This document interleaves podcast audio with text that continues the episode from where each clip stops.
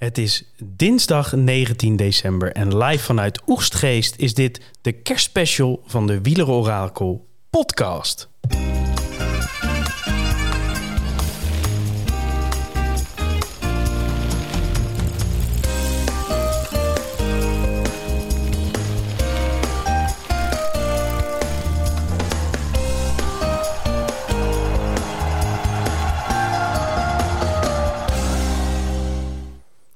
Wielerorakel podcast in december, Thomas. Dat is een eh, unicum volgens mij. Wat zijn we weer genereus. Dat is nog nooit eerder vertoond. En eh, nou, ik eh, moet zeggen, ik vind het wel, wel leuk. Ik heb er wel echt zin in. Kijk eens, en wat hoor ik daar op de achtergrond? Hey, we zitten helemaal in de kerstsfeer. Toch hè? Ja, er zit hier naast me zit dus iemand met een kerstmuts op. Dat, Dat ben je niet. ja, nee, dat, dat is zeker waar. Kijk, wie, wie, wie ben jij? Eh, Daniel, deze avond. Ah, Daniel. Kijk, de statistieken die zijn er gelukkig ook weer bij vandaag in deze kerstspecial. Ik zeg het nog maar eens. En tegenover eh, Daniel zitten we, zit er nog één. Zonder kerstmuts. Zonder kerstmuts, of in ieder geval niet zichtbaar. Arjan Zoer. Hoi, hoi. Welkom op deze dinsdagavond in Oegsgeest. Stad en land afgereisd. Ja, dat is altijd eh, binnen ons clubje natuurlijk. Voor de een is het wat dichterbij dan voor de ander. Voor jou is het natuurlijk sowieso dichtbij, Tom. Voor mij is het ook wat te doen. Maar met name de, de twee heren hier aan mijn rechterkant, eh, Daniel en Arjan... Die, die zijn echt wel letterlijk eh, stad en land afgereisd volgens mij. Ja, een ruime twee uur was het. eh. Ja, je moet er ook wat voor over hebben. hè? zeker, zeker. En het is eh, midden in, het, eh, in, de, in de rustpauze. Ehm, maar eh, we, zijn, eh, we zitten niet stil. Hè? Langzaam eh, schudden we een beetje uit die, uit die winterslaap. Daniel heeft nooit in de winterslaap gezeten. Hè? Want je, bent, je hebt ongelooflijk veel energie om gewoon door te gassen op Twitter. Ja, je hebt zo'n mooie functie om eh, tweets te sch- schedulen. Hè? Dus je kunt ze van tevoren allemaal instellen. en En je hebt ze in de zomer allemaal door. ingesteld. Nee, dat niet. Maar je hoeft maar één moment voor te gaan zitten en dan, eh, dan loopt het al een paar dagen door. Kijk. Beetje content blijven creëren. Ja, hey, en in, in november hebben we ook met z'n met z'n zessen zelfs... Hè, hebben we een, eh, een brainstorm gehad over, over komend seizoen. Veel mooie plannen. Kun je een beetje eh, een tipje van de sluier geven, Thomas? Eh, ja, dat kan. We hebben allereerst natuurlijk teruggekeken. Dat is altijd belangrijk. Even kijken wat je hebt gedaan en gezien wat we dit jaar allemaal hebben ondernomen. Nou, daar komen we straks nog, even, nog wel even op, denk ik. Verder natuurlijk ook vooruitkijken. We zijn eh, in mijn ogen nog steeds een, eh, een groeiende organisatie met heel veel ideeën. En eigenlijk, eh, ja, wat ik het mooiste vond aan die meeting is dat we eigenlijk een soort van... Als we alles meteen zouden doen wat we in ons hoofd hebben, dan zou het dus veel te gek worden. Maar eh, we hebben wel een aantal hele mooie dingen, dingen liggen. Ehm, ik denk dan met name aan het, eh, het verder brengen van, het, van ons, eh, ons AI-model natuurlijk. Eh, ik denk aan een nieuwe editie van de wielerquiz. Zeker, die staat overigens al gepland. Die staat gepland, ja. Save the date is eruit. 15 juni 2024. Kun je al inschrijven? Je kan je nog niet inschrijven, maar dat zal binnenkort wel eh, open gaan. Je kan natuurlijk wel op, op Twitter of, of, of op X, hè, maar net een beetje hoe je het noemt. Kan je natuurlijk wel aangeven dat je interesse hebt. Dat hebben er gelukkig ook al heel veel gedaan. Eh, sterke teams die zich al hebben aangemeld. Ook de winnaars van de afgelopen twee seizoenen. Dus dat, is, eh, dat is hartstikke mooi. En we gaan er op 15 juni weer een mooi feestje van maken. Ja, lekker. Twee weekjes voor de Tour de France. Even die koorts oppoken. Jazeker, ja. Ik was nog even... eh, de save the date was geprikt. En toen... Daarna kwam opeens die EK-loting van de voetbal. Ik denk, oh, dat zal toch niet, hè? dat je dan het Nederlands elftal hebt, zeg maar. Maar dat is ook allemaal geregeld. Allemaal afgestemd. Ja, Zo. Dus dat is allemaal goed gegaan. eh. ja.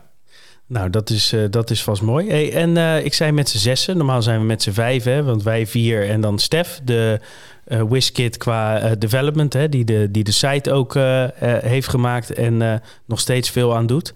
En Fleur, hè? Yes. Uitbreiding van het team. uitbreiding van het team. Ehm, en waar gaat Fleur zich precies op richten, Daniel? Dat kan jij als geen ander vertellen. Ja, Fleur die, eh, is heel goed in schrijven en eh, heeft ook behoorlijk wat, eh, wat wielerkennis. En ze vindt het leuk om zich ook met die wielerkennis eh, bezig te houden en dat uit te breiden. En ik heb ook wat van de dingen gezien die ze, die ze op papier heeft gezet. Dus ze gaat veel, veel content voor ons maken. Dus veel, veel blogs schrijven, tweets post, posten, Instagram posts maken. Ja, Om en, onze zichtbaarheid wat te vergroten. ja, en dan voornamelijk ook op, eh, op Instagram. En daar zit eh, Thomas nu eh, heerlijk met een, eh, met een camera ook op zijn gezicht. Ja. Ik, ik dat je wel, je bent nog een beetje ongemakkelijk, ja. hè? Ja, nou, het is wel zo. ehm, ik ben dat natuurlijk niet echt gewend. Maar als ik nu om me heen kijk, zie ik eh, drie gezichten sowieso. En dan ook nog heel veel camera's. We zijn een beetje aan het experimenteren met het eh, ook visueel eh, inzichtelijk maken van onze podcastavonturen, volgens mij. Nou, als je kijkt naar de camera die eh, links van mij staat, die, die overziet dus eigenlijk het hele geheel. Nou, die staat nogal redelijk ver weg, maar er staat hier ook op een centimeter of 35 staat er een, eh, een telefoon eh, met camera volledig op mij gericht. Dus dat is een, aan de ene kant een enorme eer, maar aan de andere kant ben ik ook altijd wel vrij bescheiden gebleven. gebleven. Ja, En zeg ik ook van, nou ja, het hoeft niet per se, maar alles voor de luisteraars en voor de kijkers nu natuurlijk. ja.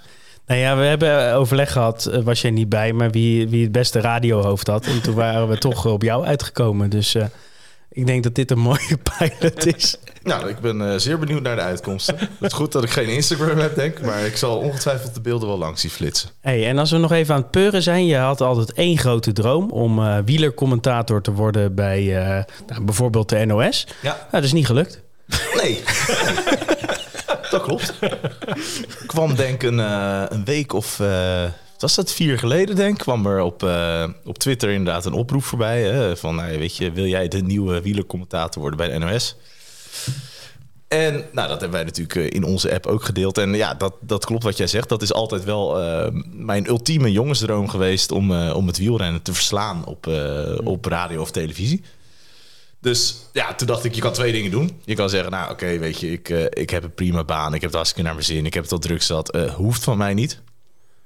Maar goed, dan kan je spijt krijgen. Je kan ook zeggen, nou, eh laat Gaat het in ieder geval proberen. laten we het in ieder geval proberen. Dus eh, nou goed, stout schoenen aangetrokken. eh, even, eh, even goed voor gaan zitten. Dus eh, cv in elkaar getimmerd. Een, eh, een motivatiebrief. En vervolgens eh, nou, nog een, een fragment uit onze podcast erbij gestuurd. En vervolgens eh, nou ja, eh, ingediend bij de NOS. Dus eh, nou, dan zouden ze binnen één dag zouden ze reageren. Dat werd uiteindelijk een week, want waren, ja, ik was niet de enige die, die, jongensdroomleven. die gesolliciteerd had. Dus Ja. er waren meer dan 130 eh, reacties. En uiteindelijk nou, was het bericht dan uiteindelijk daar. Eh, helaas moet ik je mededelen dat je niet tot de kandidaten behoort met wie we de procedure voortzetten. Bij de afweging is er onder andere gekeken naar journalistieke ervaring, ervaring met het geven van sportcommentaar voor radio en televisie en diepgaande kennis van de wielersport. Nou ja, Ja. dan eh weet ik wel wat jullie gaan zeggen. Maar mijn analyse was dat, eh, ja, dat dat wel jammer is dat die journalistieke ervaring, die is dus eigenlijk nul bij mij. Eh, ervaring met het geven van sportcommentaar voor radio en televisie, die is ook nul. En diepgaande kennis van de wielersport, ja, dat, daar verschillen de meningen over. Ik denk als we hier gaan, gaan stemmen, zal het waarschijnlijk drie tegen één zijn. Hè? Maar maakt niet uit. Maar weet je, eh, heel leuk om gedaan te hebben. Toch altijd weer goed om eens even, even je cv en eh, alles in kaart te brengen. Dus up-to-date. En eh, ik kan mijzelf nu in ieder, geval, in ieder geval niet gaan verwijten dat ik het, eh, dat ik het niet geprobeerd heb. Dus ik ben nu met name heel benieuwd wie het wel gaat worden. Nee joh, maar eh, ik vind het sowieso mooi dat je het gedaan hebt. Toch? Nou, ik, ik, vond het ook, eh, ik vind het ook wel mooi dat ik het gedaan heb. Je kan het inderdaad niet doen, maar je kan het ook wel doen. En eh, wie weet, over een paar jaar gaan de deuren wel open. Dat zou natuurlijk goed, heel goed kunnen. Het zaadje is geplant, eh, Tom. Het zaadje is geplant. En nu mogen wij nog van zijn commentaar genieten. hè? Ja, natuurlijk. We hebben hem weer warm. Het, het voelde natuurlijk wel ook een beetje als hoogverraad, eh, mannen.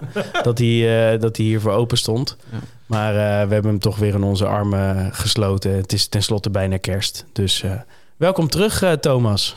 Ja, er stond overigens ook nog bij van... eh, helaas hebben wij ook 723 belletjes gehad van de heer Tom Nederend. Die ons vriendelijk doch dringend heeft verzocht om u niet aan te uit te nodigen voor een vervolggesprek. Ehm, Dat hebben wij gehonoreerd. ja, nou goed, eh, zodoende. Mooi. Ehm, ja, dan hebben we nog één ding. En dat is het AI-spel, zoals we dat noemen. Ehm, behoorlijke eh, eh, brainstorm over gehad. Veel gedachten over gewisseld van, nou ja, wat zullen we eens doen, zeg maar, qua eh, om zelf een, een, een spelvorm te bedenken. Nou, dan kun je echt helemaal los met apps en ingewikkelde systemen. Of je kunt gewoon kijken van, nou ja, wat is heel goed haalbaar. En ehm, wat past ook echt bij ons. Hè? Wat past ook bij nou ja, onze USP, namelijk AI. Namelijk een computervoorspelling. En we hebben al een spelletje bedacht afgelopen eh, seizoen. In de, of wel twee seizoenen, twee denk ik. hè? geleden. Ja. In, tijdens de Tour de France hè, speelden we een spelletje altijd Stads versus Guts. Ja. Dus eh, daarin namen wij het op tegen de computer, eh, Thomas. Voorspelden we een top 3, de computer voorspelde een top 3. En eh, aan de hand daarvan hielden we de stand bij en keken we van, nou ja, hoe? Eh, wie kan dat het beste? Ja. En met dat idee zijn we verder gegaan. En eh, eh, daar gaan wij, een, eh, of daar zijn we nu heel hard mee aan de gang om daar een spelvorm van te maken. Dus je kunt het straks allemaal opnemen, ook tegen de computer. En uiteraard ook tegen je vrienden en zelfs ook tegen ons. Dus volgens mij een heel geinig, laagdrempelig concept wat je het hele seizoen door kunt spelen. En biedt biedt de system, hè, Arjan? Ja, het is natuurlijk een mooie referentie, hè, een computer. Maar aan de andere kant, die heeft het ook niet altijd goed. Eh Stads versus Guts eh, eh, winnen de Guts ook nog wel eens eh, ehm, in de afgelopen eh, edities. Maar de simpelheid van de vorm en dus wel gewoon eh, ja, overal aan kunnen meedoen en kunnen strijden, dat vinden we eigenlijk leuk. Een beetje competitie en eh, vooral ook eh, wat banter eh, creëren met elkaar om elkaar eh, de maat te nemen. Dat is altijd, eh, eh, geeft goede, eh, goede stof eh, voor gesprekken. Dus eh, vandaar eh, toch maar inzet, inzet op een spelletje naar volgend jaar. Ja, ik, eh, ik ben heel benieuwd. En we hopen hem in het voorjaar eh, te lanceren. Eh, het zal eerst in beta-vorm zijn. Dus ik zou zeggen, ga het lekker gewoon spelen. Ga het lekker uitproberen. En als wij er lol in hebben, dan vinden we het al mooi. Ja, wat Dus- zit, eh, zit op onze site, toch? Voor de, Ja, voor komt gewoon op de site. Ja. ja, gewoon op de site. We lanceren het op de site. Hartstikke Mobiel uiteraard goed bespeelbaar en dergelijke. Maar dat gaat helemaal goed komen. Hey, ehm, dat is meteen ook het bruggetje naar de kwaliteit van onze AI-voorspelling. Want dat is nou, altijd een vraag eh, die je krijgt. De meest, de meest gestelde vraag, denk ik. Ja. Ja. de meest gestelde vraag is eh, van... oh, grappig dat jullie dat doen hè, met de eh, AI-voorspelling, met data en dergelijke. Maar eh, werkt dat nou wel een beetje, Arjan? Die vraag, die, hoe vaak heb je die gehad, denk je? Heel vaak. En eh, ja, ik, ik ben natuurlijk de slager, dus ik kan niet mijn eigen vlees keuren. Dus eh daarvoor hebben we Daniel. ja, we hebben nu Daniel die even het vlees van Arne gaat keuren. Toch? ja eh, de- er wordt gefilmd. Ja, en, en moet wel gezegd, dus we hebben eh, ook wel... eh, dit is wel de start van iets groters. Dus volgens mij is Daniel denk ik ook de eerste geweest... die echt onderdelen van het model heeft gezien onder de motorkap. Dus Ja. heeft er nu ook echt meer kennis van. Eh, maar eh, ook wel eh, zelf kritisch van ja, wat gaat er nog niet goed en eh, ja, waar scoort het model eigenlijk wel goed en waar nog niet goed. Dus daar was deze exercitie ook wel goed voor. Ja. ja, en Daniel, dan kijken we nu jou aan. Wil je zeker weten hoe het model het gedaan heeft? Ja, hoe, hoe heeft het model gescoord? Want we hebben daar eh, misschien beginnen bij... eh, nou ja, hoe Ja. meten we hoe het model heeft gescoord? Ja, je hebt natuurlijk het uitgangspunt van de voorspelling. Dat is, eh, dat is de basis van, eh, van het model en dat is ook de basis van, van de beoordeling. Eh, de computer die voorspelt eigenlijk elke, elke wedstrijd een top, eh, top 30, geloof ik. Hè? Alleen we hebben nu dan de top, eh, de top 10 gepakt. En van die top 10 hebben we gekeken eh, hoe zijn de renners die de computer dus voorspeld heeft in de top 10 geëindigd in de uitslag. Ehm, daarbij hebben we een gewicht meegegeven aan, eh, aan de winnaar die iets eh, belangrijker is dan eh, die van de nummer 10. Dus hebben we een soort verdeling gemaakt van, eh, van punten en, eh, en factors, factoren die, eh, die elke renner in de voorspelling meekrijgt. En als jouw als jouw kopman, als de kopman, kopman van de computer bijvoorbeeld ook daadwerkelijk als eerste eindigt, dan krijgt hij daar 15 punten voor, plus een factor 3. Dus scoort hij 45 punten. Dat is meteen zo'n 40% van de maximale score. Omdat we ook vinden dat het, het goed voorspellen van de winnaar, dat is Ja. uiteindelijk de grootste waarde. Ja. En als je dan kijkt hoe, eh, hoe de computer dus gedaan hebt, hè, dan kun je dus een percentage berekenen van de kwaliteit van die top 10 voorspelling. eh, van elke koers die, die de computer voorspeld heeft. We hebben naar een aantal eh, koersen gekeken. We hebben eerst eh, de grote klassiekers gepakt. Er waren er 14 van het afgelopen seizoen. En dan zie je dat eh, nou, de gemiddelde score, of zal ik met de mediaan beginnen? Dat is misschien ook wel leuk, hè? Ah, ja, dan moet je eerst misschien even nog een keertje uitleggen wat nou de mediaan precies is. Nee, de mediane score, Tom. de mediane score die geeft aan, eh, Tom, dat eh, wat de score is, wat eh 50% van de voorspellingen beter was en 50% van de voorspellingen minder goed was. En de mediane prestatie van de computer was, eh, was 65%. Eh, nee, 68%. Dus eh, in de helft van de gevallen scoorde de computer meer dan 8%, 68% van de mogelijke punten. En in de helft van de gevallen scoorde de computer minder dan 68% van de mogelijke punten. Snap je dat, Thomas? Ja, ik volg het wel. Het, eh, uiteindelijk eh, komt het er volgens mij op neer dat de computer eh, vrij goed in staat is om eh, punten te scoren. En eh, nou ja, Ja, nee. Dat, nou ja, dat is natuurlijk wel. eh, kijk, je kan natuurlijk afvragen. het is natuurlijk een, een model en je bent de kwaliteit aan het toetsen. Ja. Maar als je het maar consistent doet, dan kan je ook zien of een model verbetert, zeg maar. En eh, waar het model goed scoort, waar het model niet goed scoort. Ja. Dus dat is denk ik heel waardevol. En we hebben daar nu op basis van de resultaten van 2023 een heel goed beeld bij. En ik ben heel benieuwd hoe dat eh, eh, met de verfijning in het model, hoe dat zich ook eh, uitpakt in, eh, in 2024 en verder. Ja, die verfijning komen we zo nog op. Ja. Ehm, maar je had het over klassiekers. Ja, dus de, de, de, nou de range, zeg maar, hoe de computer presteert, is ongeveer van 30% de slechtste eendagskoers tot eh 83% van de beste. En die 83% dat was de E3-prijs, de E3 Classic. Ja. Ehm, daar voorspelde de computer inderdaad van Aard 1, van de pool 2, Pogacar 3. En dat was ook het podium. En die top 3 was 100% correct. Nou, dat was natuurlijk een grote bijdrage aan de hele top 10 score van de computer. Dus dat is een hele goede prestatie van het model geweest in de klassiekers. Een minder goede prestatie was, eh, was de omloop. Daar scoorde alleen de voorspelde winnaar. Dat was eh, Laporte. Uh, scoorde een eh, podiumplaats. En voor de rest waren er nog eh, drie van de renners uit de top 10 die wel top 20 finishten.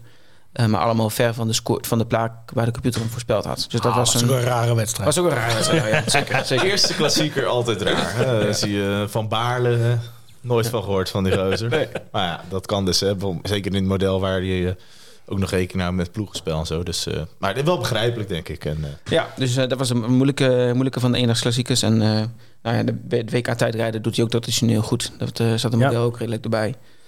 Ehm, ja, en als je dat vergelijkt met bijvoorbeeld de Tour de France...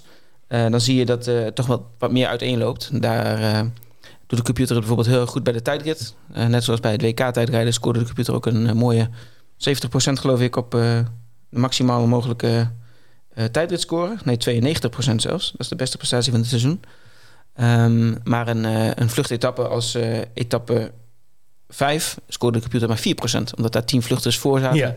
Die, eh, die de computer niet eh, gezien had als eh, kansrijk voor deze etappe. Dus daar loopt er wat meer uiteen. Maar daar ook een mooie gemiddelde eh 52% eh score voor de computer. Hm. Dus nou, ik denk dat we kunnen zeggen dat de computer wel in- door de band genomen goed presteert. Wat, meer, wat meer gemak bij de prestaties van een klassement of van een, van een tijdrit of een sprint. En wat meer moeite met, eh, met etappes waar eh, de vluchters gaan lopen of waar een verrassende eh, ontsnapping gaat rijden. Ja, dan is altijd de vraag, zeg maar, als je, eh, als je iets gedaan hebt... En, eh, dan wordt er gevraagd van, wat vond je er zelf van, eh, Arjan? Ja, en, en net als de vraag hoe goed is dit model? eh, eh, eh, ja, zo kijk ik helemaal niet. Ik kijk gewoon, ik vind het heel erg interessant wat de computer voorspelt. En ik ben het er soms niet eens mee eens. En ik wil hem altijd ongewijzigd op eh, Twitter gooien, omdat ik het mooi vind dat er soms dingen ontstaan die ik zelf ook niet zou verwachten. Eh, eh, tuurlijk geniet ik er wel van als het podium helemaal klopt. Eh, dan denk ik, nou, toch, wel, toch wel kicken. Mhm.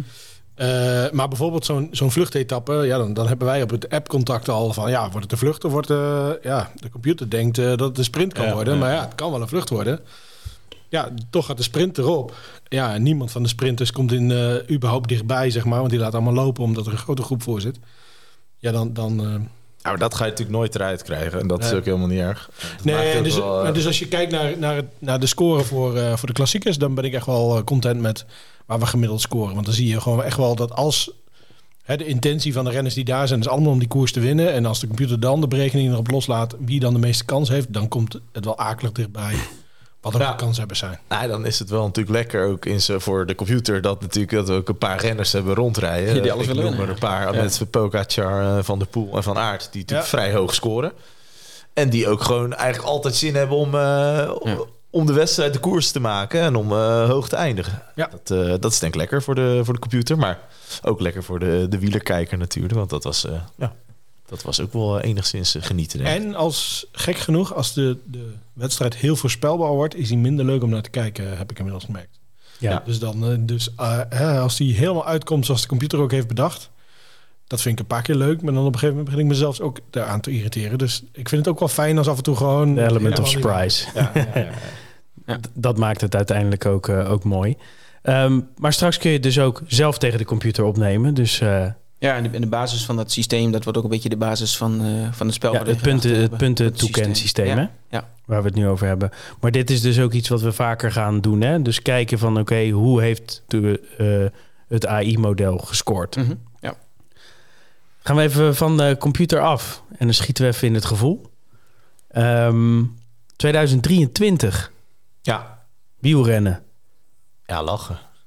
Mooi jaar. Tenminste, met name de klassiekers en de eendagskoers wat mij betreft echt, eh, echt heel mooi. Het jaar begon voor mij eigenlijk in eh Hogerheide dit jaar. Eh, Mm. ik weet nog, nou, we zijn er natuurlijk officieel niet echt eh, voor het veld rijden hè, met wielerorakel, maar ik wil wel zeggen, dat was wel zo'n mooie ervaring daar. Met, eh, met Van der Poel en Van Aert die er zo'n show van maakten met z'n tweeën. En uiteindelijk daar die sprint eh, heuvel op. Ja, dat twee van zulke krachtpatsers daar eh, eigenlijk eh, ja, eh, zo'n duel afleveren en zo'n strijd. En dan de beleving daarbij van wat echt heel Nederland en heel België was uitgelopen. Nou, dat was echt een, eh, een uniek iets en een prachtige start van het eh, voorjaar wat mij betreft. Ja, met terugwerkende kracht was dat ook wel de verhouding hè, van, van dit seizoen. Ja, nou, het is ook wel misschien een eerste tik geweest. Want Van der Poel heeft daar natuurlijk wel ten opzichte van, van eh, ja, ja, die heeft wel uiteindelijk dat duel wel in zijn voordeel beslist. En dat neem je toch wel mee in dat voorjaar. En eigenlijk zie je dus dat in het voorjaar... de hele tijd als het er echt op aankwam... dat de hele tijd net Van der Poel boven Van Aert uitstak. En dan kan je zeggen, ja, eh, Parijs-Roubaix was het allicht pech. Dat geloof ik echt. Ik denk echt dat Van Aert daar minstens zo sterk was als Van der Poel in eh, Parijs-Roubaix. Ja. Ja. Maar daarnaast ja, hebben we natuurlijk de Ronde van Vlaanderen... waar eh, Van der Poel sterker is dan Van Aert. Ja, daar rijdt er nog zo'n Sloveen mee die nog wat sterker was. Maar oké. In Milaan Remo was hij sterker. En op het WK was hij sterker. En dat zijn wel drie ontzettend belangrijke eh, wedstrijden... In het, eh, in het klassieker of in het eendagswerk. En daar laat Van der Poel heeft dit jaar wel laten zien... dat hij daar echt eh, ja, duidelijk de betere was van Van Aert. En ik zeg niet dat dat altijd zo is, want dat is ook wel mooi om te lezen dat Van Aert ook wel zei, zei van ja, ik moet misschien wel mijn, mijn koerstactiek wat aanpassen. En dat, eh, ja, dat zal misschien voor de kijker wel wat minder eh, leuk worden het komend jaar, maar ik snap, hem, ik snap hem volledig. Ja. Ja. Hij, eh, hij zat in de Rode Lantaarn, hè? onze collega-podcast, zat twee uur met Van Aert. Ja, Daar hadden ze het hier ook over, Oh, over ja, deze eh, uitspraak. Niet geluisterd, moet ik En hij vond wel dat dat een beetje uit zijn verband was eh, getrokken. Maar uiteindelijk kwam het er wel op neer dat hij wel iets verstandiger zeg maar, zou gaan koersen. Dus Ja, hij, hij, zei niet, eh, hij zei, ik heb niet gezegd dat ik niet meer achter Van der Poel... of niet meer met Van der Poel mee ga rijden... maar dat ik misschien beter momenten moet, moet kiezen, ja. Ja, maar dat is wat ik bedoel. Hè. Dat, eh, kijk, dat, weet je, je, je krijgt wat dat betreft nooit... Het zit ook in het aard van het beestje. En dat is iemand die leuk. fantastisch eh, van de koers houdt. Maar eh, hij kan natuurlijk niet uiteindelijk... als jij met, met, met, met Van der Poel naar de laatste heuvel... je ziet dat, dat die laatste jump en die laatste explosie...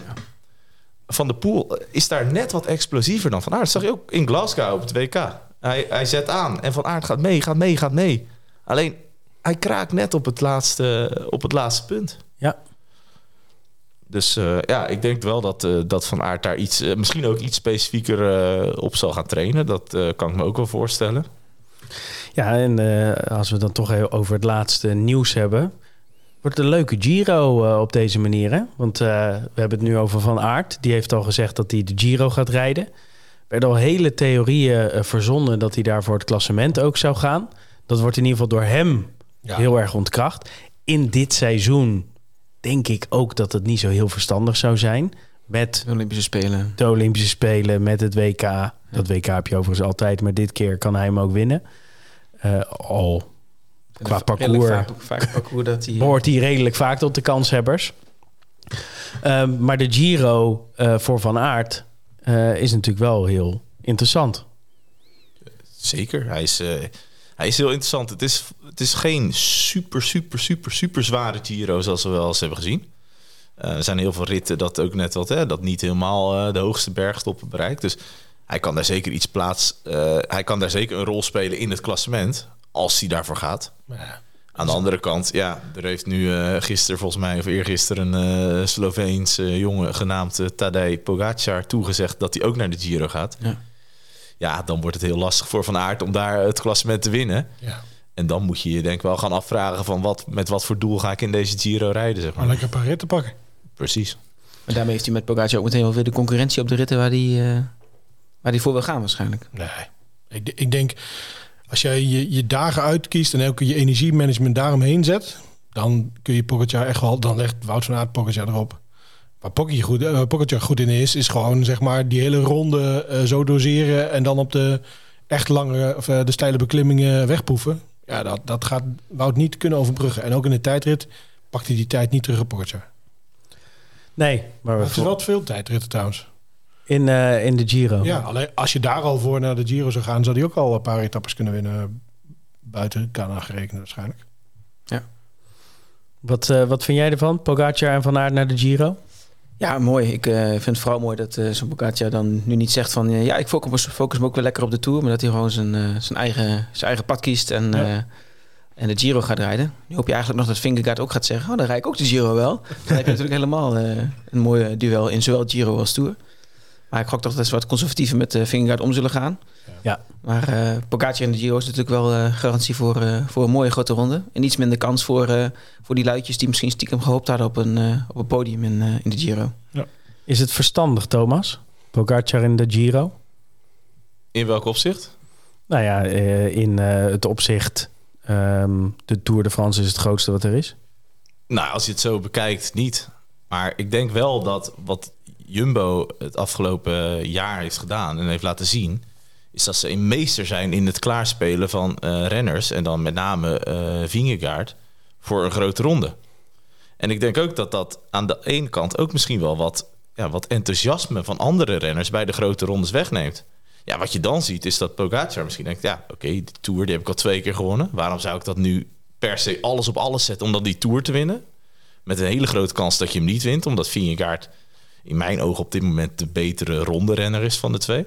Ja, waarom dan niet die Giro een keer proberen en dan de Tour kijken hoe ver je komt? Want met zijn talent is volgens mij nog steeds een top 3 mogelijk. En ook met een schuin oog naar die Olympische Spelen toewerken. Ja. Want de hegemonie van eh Vingegaard... eh, heeft eigenlijk deze twee mannen naar de Giro gedaan. Hè? Want ook Van Aert, die gaat natuurlijk lekker ritten kapen... omdat Vingegaard in de Tour start. Misschien dat eh, Van Aert alsnog ook wel naar de Tour gaat. Dat zou kunnen. Nou, denk ik niet. Ik denk dat hij echt wel naar de, naar de Olympische Spelen zal gaan werken. Maar je weet het niet.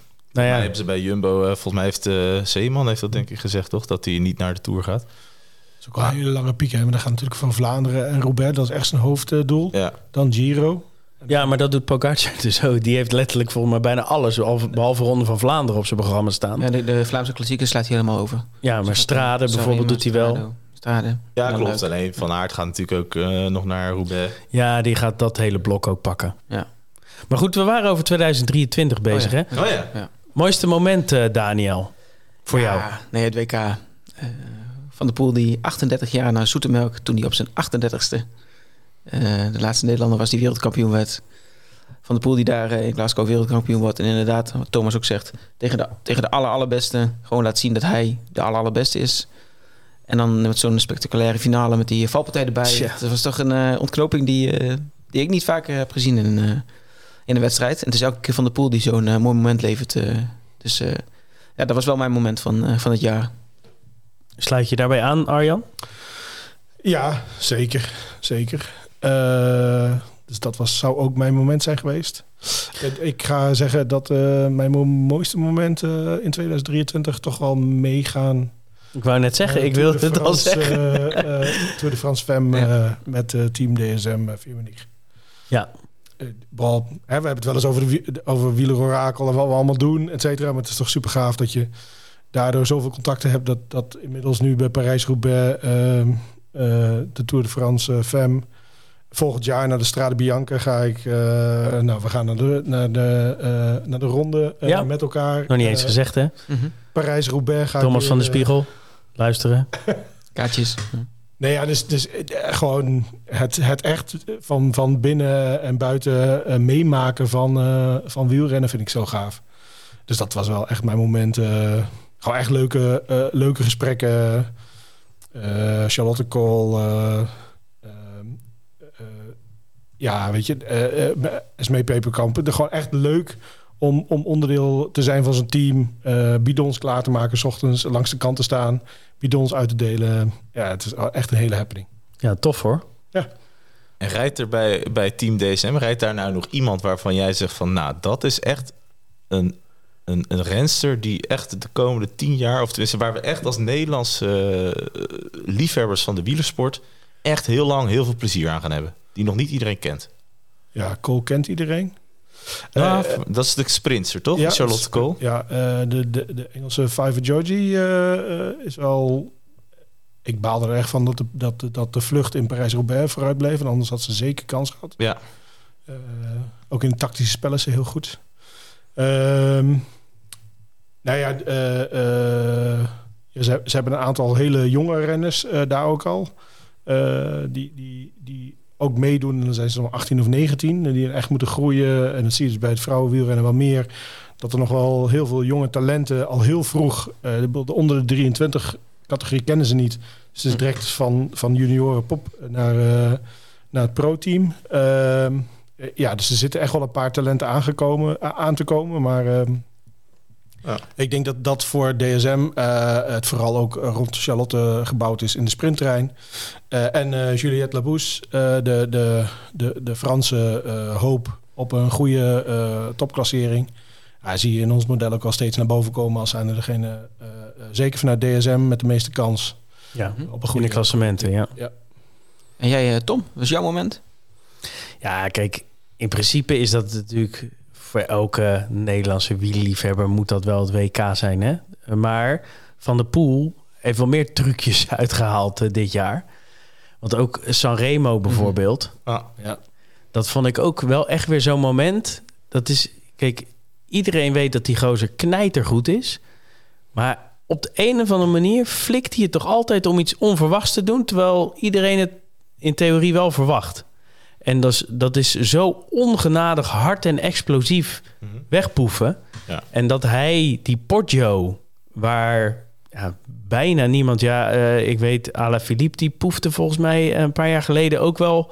Die kon ook wel echt een gat slaan en dan eh, door. Maar dat, dat, dat gat wat die sloeg op die Poggio...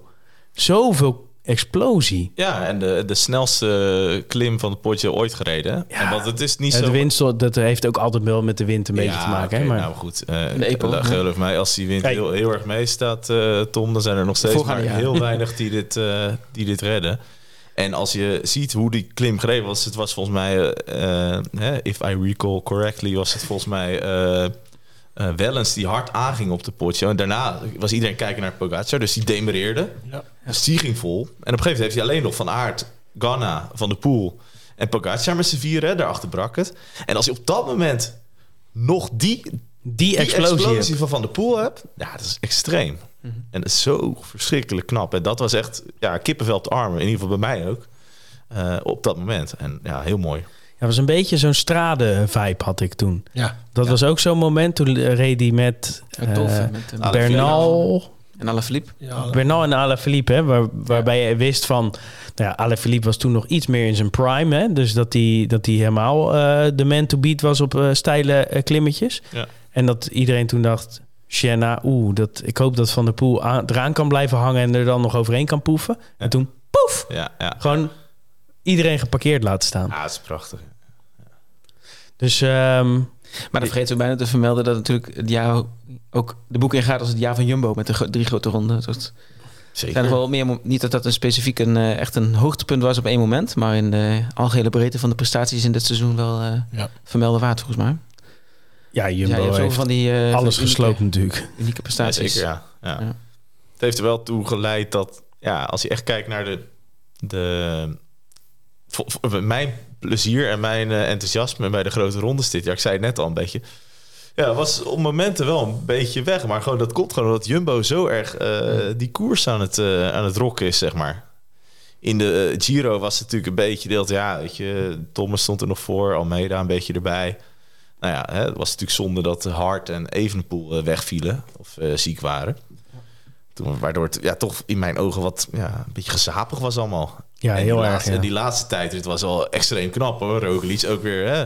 net als Van de Poel in Glasgow met de valpartij... eh, was Roglic die in de, in de Giro even een pechmoment kreeg. Kettingje eraf. opleggen. Ja, ja wel mooi natuurlijk zo'n verhaal dan dat zo'n oud schanspringmaat dan daar hem, eh, hem aankomt duwen, zeg maar. Nou, dat is, dat is hartstikke mooi. Maar dat, dat hetzelfde ook een beetje bij de Vuelta. Dat was gewoon voor de anderen, ja, er was weinig lol aan. Tenminste, er was niks te behalen. En dat leidt ertoe dat je als kijker ook zit te kijken, oké, Jumbo all over the place. Ja. Verschrikkelijk knap. Maar ja, het haalt wel soms een beetje... eh, sommige etappes, eh, bijvoorbeeld de Angliru... Nou, daar kan je natuurlijk van tevoren best wel verheugen. Ja, was nu een soort van eh, een feestje van, van Jumbo. Ja. En Dat, is wel, dat vond ik wel bijzonder. Ja, dat, dat is bij Mathieu van der Poel ook wel daarom misschien juist extra leuk. Want hij wint dan eh Milan Sanremo. Maar daarna wordt hij tweede in de E3. En ook tweede in Vlaanderen achter Ja. Pogacar. En dan Roubaix wint hij wel weer. Dus het is geen garantie dat het altijd hetzelfde scenario is en altijd dezelfde uitkomst. Nee. Echt wel eh, veel ehm, nou, spanning in hoe de Mhm. wedstrijd uiteindelijk eh, uitpakt. Ja, zeker. Die mogen ook niet vergeten. Pogacar in Vlaanderen. Dat Ja. is ook als je het hebt Klopt. over een wedstrijd. Eh, nou, hoe hij daar eh huishoudt als winnaar van de eh, oud-winnaar van de Tour de France. Er zullen er niet heel veel zijn, denk ik, die, eh, die de Tour en de Ronde van Vlaanderen Ja. hebben gewonnen. Moet even En ik- naar rechts kijken voor de details, maar eh, dat zullen er niet heel veel zijn, denk ik. Twee. Ja. Twee, nou, dat bedoel ik. Merk, zijn Bobet. Ja, maar als je ziet hoe Pogacar daar met relatief weinig ervaring op die wegen daar die, die kwaremond, kwaremond oprijdt. Ja, en het mooie was, iedereen wist dat het daar ging gebeuren. Want het jaar daarvoor deed hij het Ja. en kon hij net van de pool niet lossen. Mhm. En dus eh, kreeg je dat gekke, eh dat gekke met scenario die met, die, drie met terugkwamen. scenario met twee van de Ja, mensen die ja, terugkwamen. ja.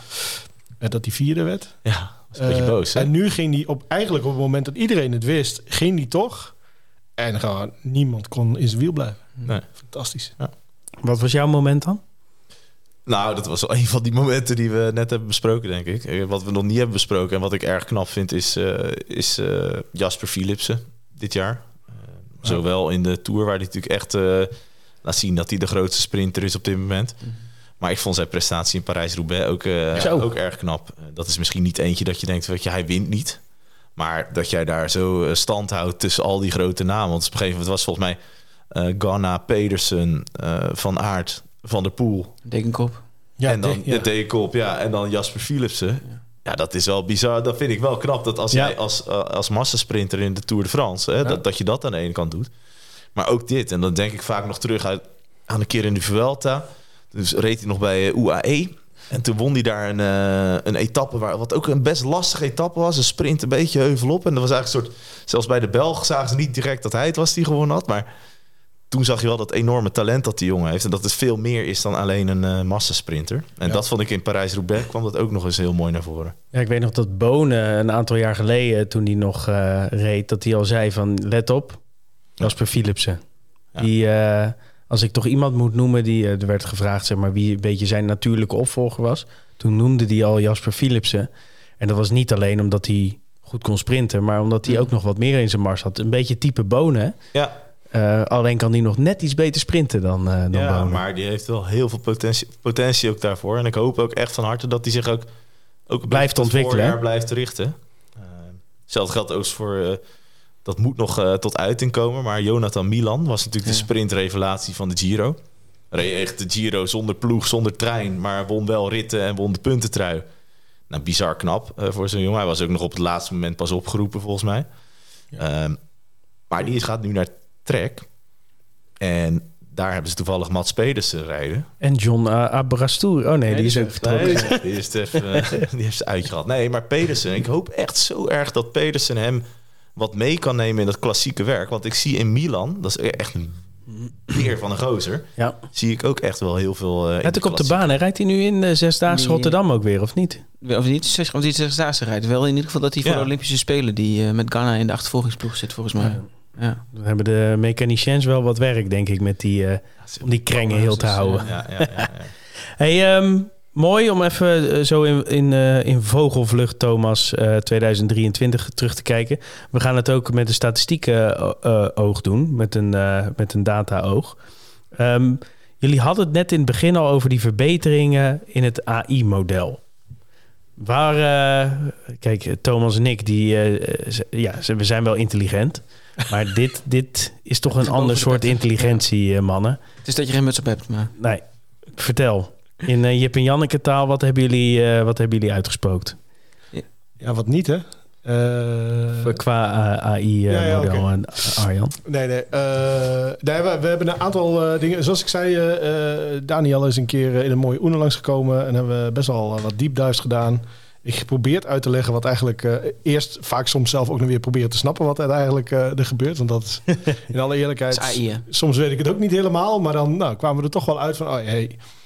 Bijvoorbeeld, een van de aanpassingen die we hebben gedaan is hoe eh, het AI-model kijkt naar wie er eigenlijk rijdt en hoe belangrijk die persoon is geweest die er heeft gereden en hoe je dat dan kan, eh, kan laten verhouden tot het resultaat. Uh, en hoe dat resultaat dan weegt. Dus dat is al een, een hele belangrijke aanpassing die we hebben gedaan. Uh, uh, ja, je neemt eigenlijk een beetje de, de, kwaliteit van de beste renners op een bepaalde specialiteit. En je kijkt hoeveel van die beste renners er aan de stad staan. En ja. hoeveel van die beste renners ook goed presteren in die koers. Ja. En als dan een renner met een iets mindere specialiteit op die, op die indicator het goed doet, dan krijgt hij extra punten. Ja. Omdat hij het extra goed doet ten opzichte van uh, de betere. Haal nog even een pilsje, jongens. Ja, goed. Uh, dus dat doen we eigenlijk om en uh, jonge talenten sneller te laten groeien. Maar ook wel om nou, bijvoorbeeld een Philipsen die dan in één keer zo'n Parijs-Roubaix editie... met toch veel goede renners aan de start...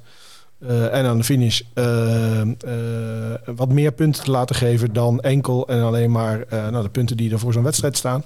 Dat is een van de aanpassingen die we hebben gedaan. Andere aanpassing, een belangrijke aanpassing die we hebben gedaan. Wij deden eigenlijk op de rennerkaart de, de puntentoewijzing op basis van de beste renner. Dus de beste renner was eigenlijk ons, ons uitgangspunt, de 100. Ja. Die scoorde 100, ja. Die scoorde, scoorde 100 en alle andere renners relateerden daaraan. Waardoor je ook soms wijzigingen kreeg in de rennerskaart. Uh, terwijl uh, uh, de renner helemaal geen wedstrijd had gereden. En dat vonden we naast vervelend ook niet helemaal goed. dus we hebben nu gezegd, we creëren een ideaal seizoen. Wat zijn de punten die bij een ideaal seizoen gehaald kan worden? Over drie seizoenen gekeken. en dat is het referentiekader waarop we nu de renners scoren per skill. Ja, dat is alleen voor die indicatorpunten op de rennerkaart. Hè? Ja, ja. Het model werkt nog steeds met de gewoon absolute puntaantallen. Zeker, zeker. Maar die worden weer teruggeleid naar een score tussen 20 en 99 ja. op de rennenkaart. En ja. je ziet dus ook op de nieuwe rennenkaarten zie je dus niet meer uh, 100 scores. Uh, 99 is de max. Uh, en je ziet dus nu veel meer renners uh, die nou, bovenaan staan met uh, 97 of 96. Ja. zodat ook zeg maar, de beste renner van de wereld, als hij een nog beter seizoen draait, ook weer kan fluctueren in hoe goed hij is. Ja. belangrijke aanpassing. wat hebben we er meer gedaan, Daniel? Ja, we hebben met de sprinters gedaan. Hè? Dus als er een, Oh ja. uh, een koers in een uh, sprint eindigt, uh, dan ja, een, vlak, een vlakke rit heeft een grote kans om in een sprint te eindigen, maar doet dat niet altijd.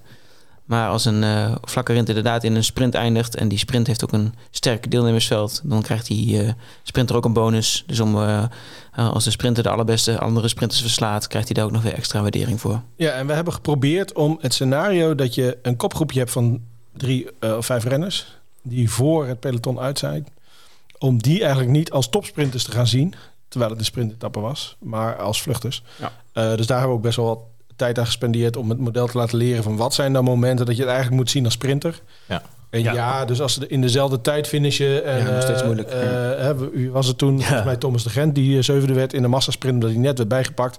Ja, sorry, die zien we dan gewoon als topsprinter op dat moment. Dan krijgt hij heel veel sprintpunten. Daar kunnen we niks aan doen. Eh, nou ja, Ja, het trekt vanzelf wel weer recht. Hè? Ja, Want als, precies. die, als diegene verder nooit meer meesprint, Ja. dan lost het Ja. zichzelf wel weer op. Dat Hè? zijn uitzonderingen, ja. Maar we, we hebben wel een aantal scenario's nu ondervangen waarin toch punten werden toegekend aan uh, in de sprintcategorie, terwijl het eigenlijk gewoon uh, vooral vluchters waren. Ja. Ja. Nou, dus dat soort verbeteringen hebben we doorgevoerd. Mooi. Uh, de monumenten uh, hebben we nu zwaarder gerekend, omdat je toch zag uh, dat dan, en de startlijsten daar heel goed waren, maar ook gewoon nou, ja, het belang van die wedstrijd en waar dus echt naar getraind werd. Uh, we hebben willen belonen zodat dat ook reflecteert in de scores. Mhm. dat is een belangrijke wijziging. Waren van de grootste. Ja, dat Ja. zijn de grootste. Ehm, klinkt goed, al die wijzigingen. En wat is er dan eh, concreet, zeg maar, als we heel vaak hebben eh, dingen van Van de Poel, waarom heeft hij 96 op kasseien en waarom heeft Van Aert 98 op kasseien? Eh, Ja. Als we even die twee pakken, ehm, wat is dan concreet het verschil? Gaat het echt in punten of ga, is, is dat wel echt Nou, minimaal? Je zag dus, omdat monumenten niet per se hoger gescoord werden dan, eh, dan de E3-prijs bijvoorbeeld. Dat, eh, dat Van Aert reed heel veel van die, van die, van die belangrijke eendagskoersen. En Ja. scoorde dus ook heel veel punten. Terwijl Van der Poel er maar een paar rijdt. Maar dan net wel de allerbelangrijkste. Nou, die extra, eh, extra belang aan die monumenten gaven we nog niet. Dat geven we nu wel. En dus het verschil tussen Van Aert en Van der Poel was met name groot in het voordeel van Aert. Omdat hij heel vaak heel goed eindigt. Eh, en nu hebben we door de monumenten wat extra waardering mee te geven... hebben we model geleerd dat Van der Poel in monumenten, eh, als hij daar wint... dat hij daar best extra punten mag voor mag krijgen. En daardoor staan ze nu, nou, kleine vooruitblik naar de, naar de stad zometeen... staan ze gelijke, op gelijke hoogte op hun eh, cobblestone-indicator.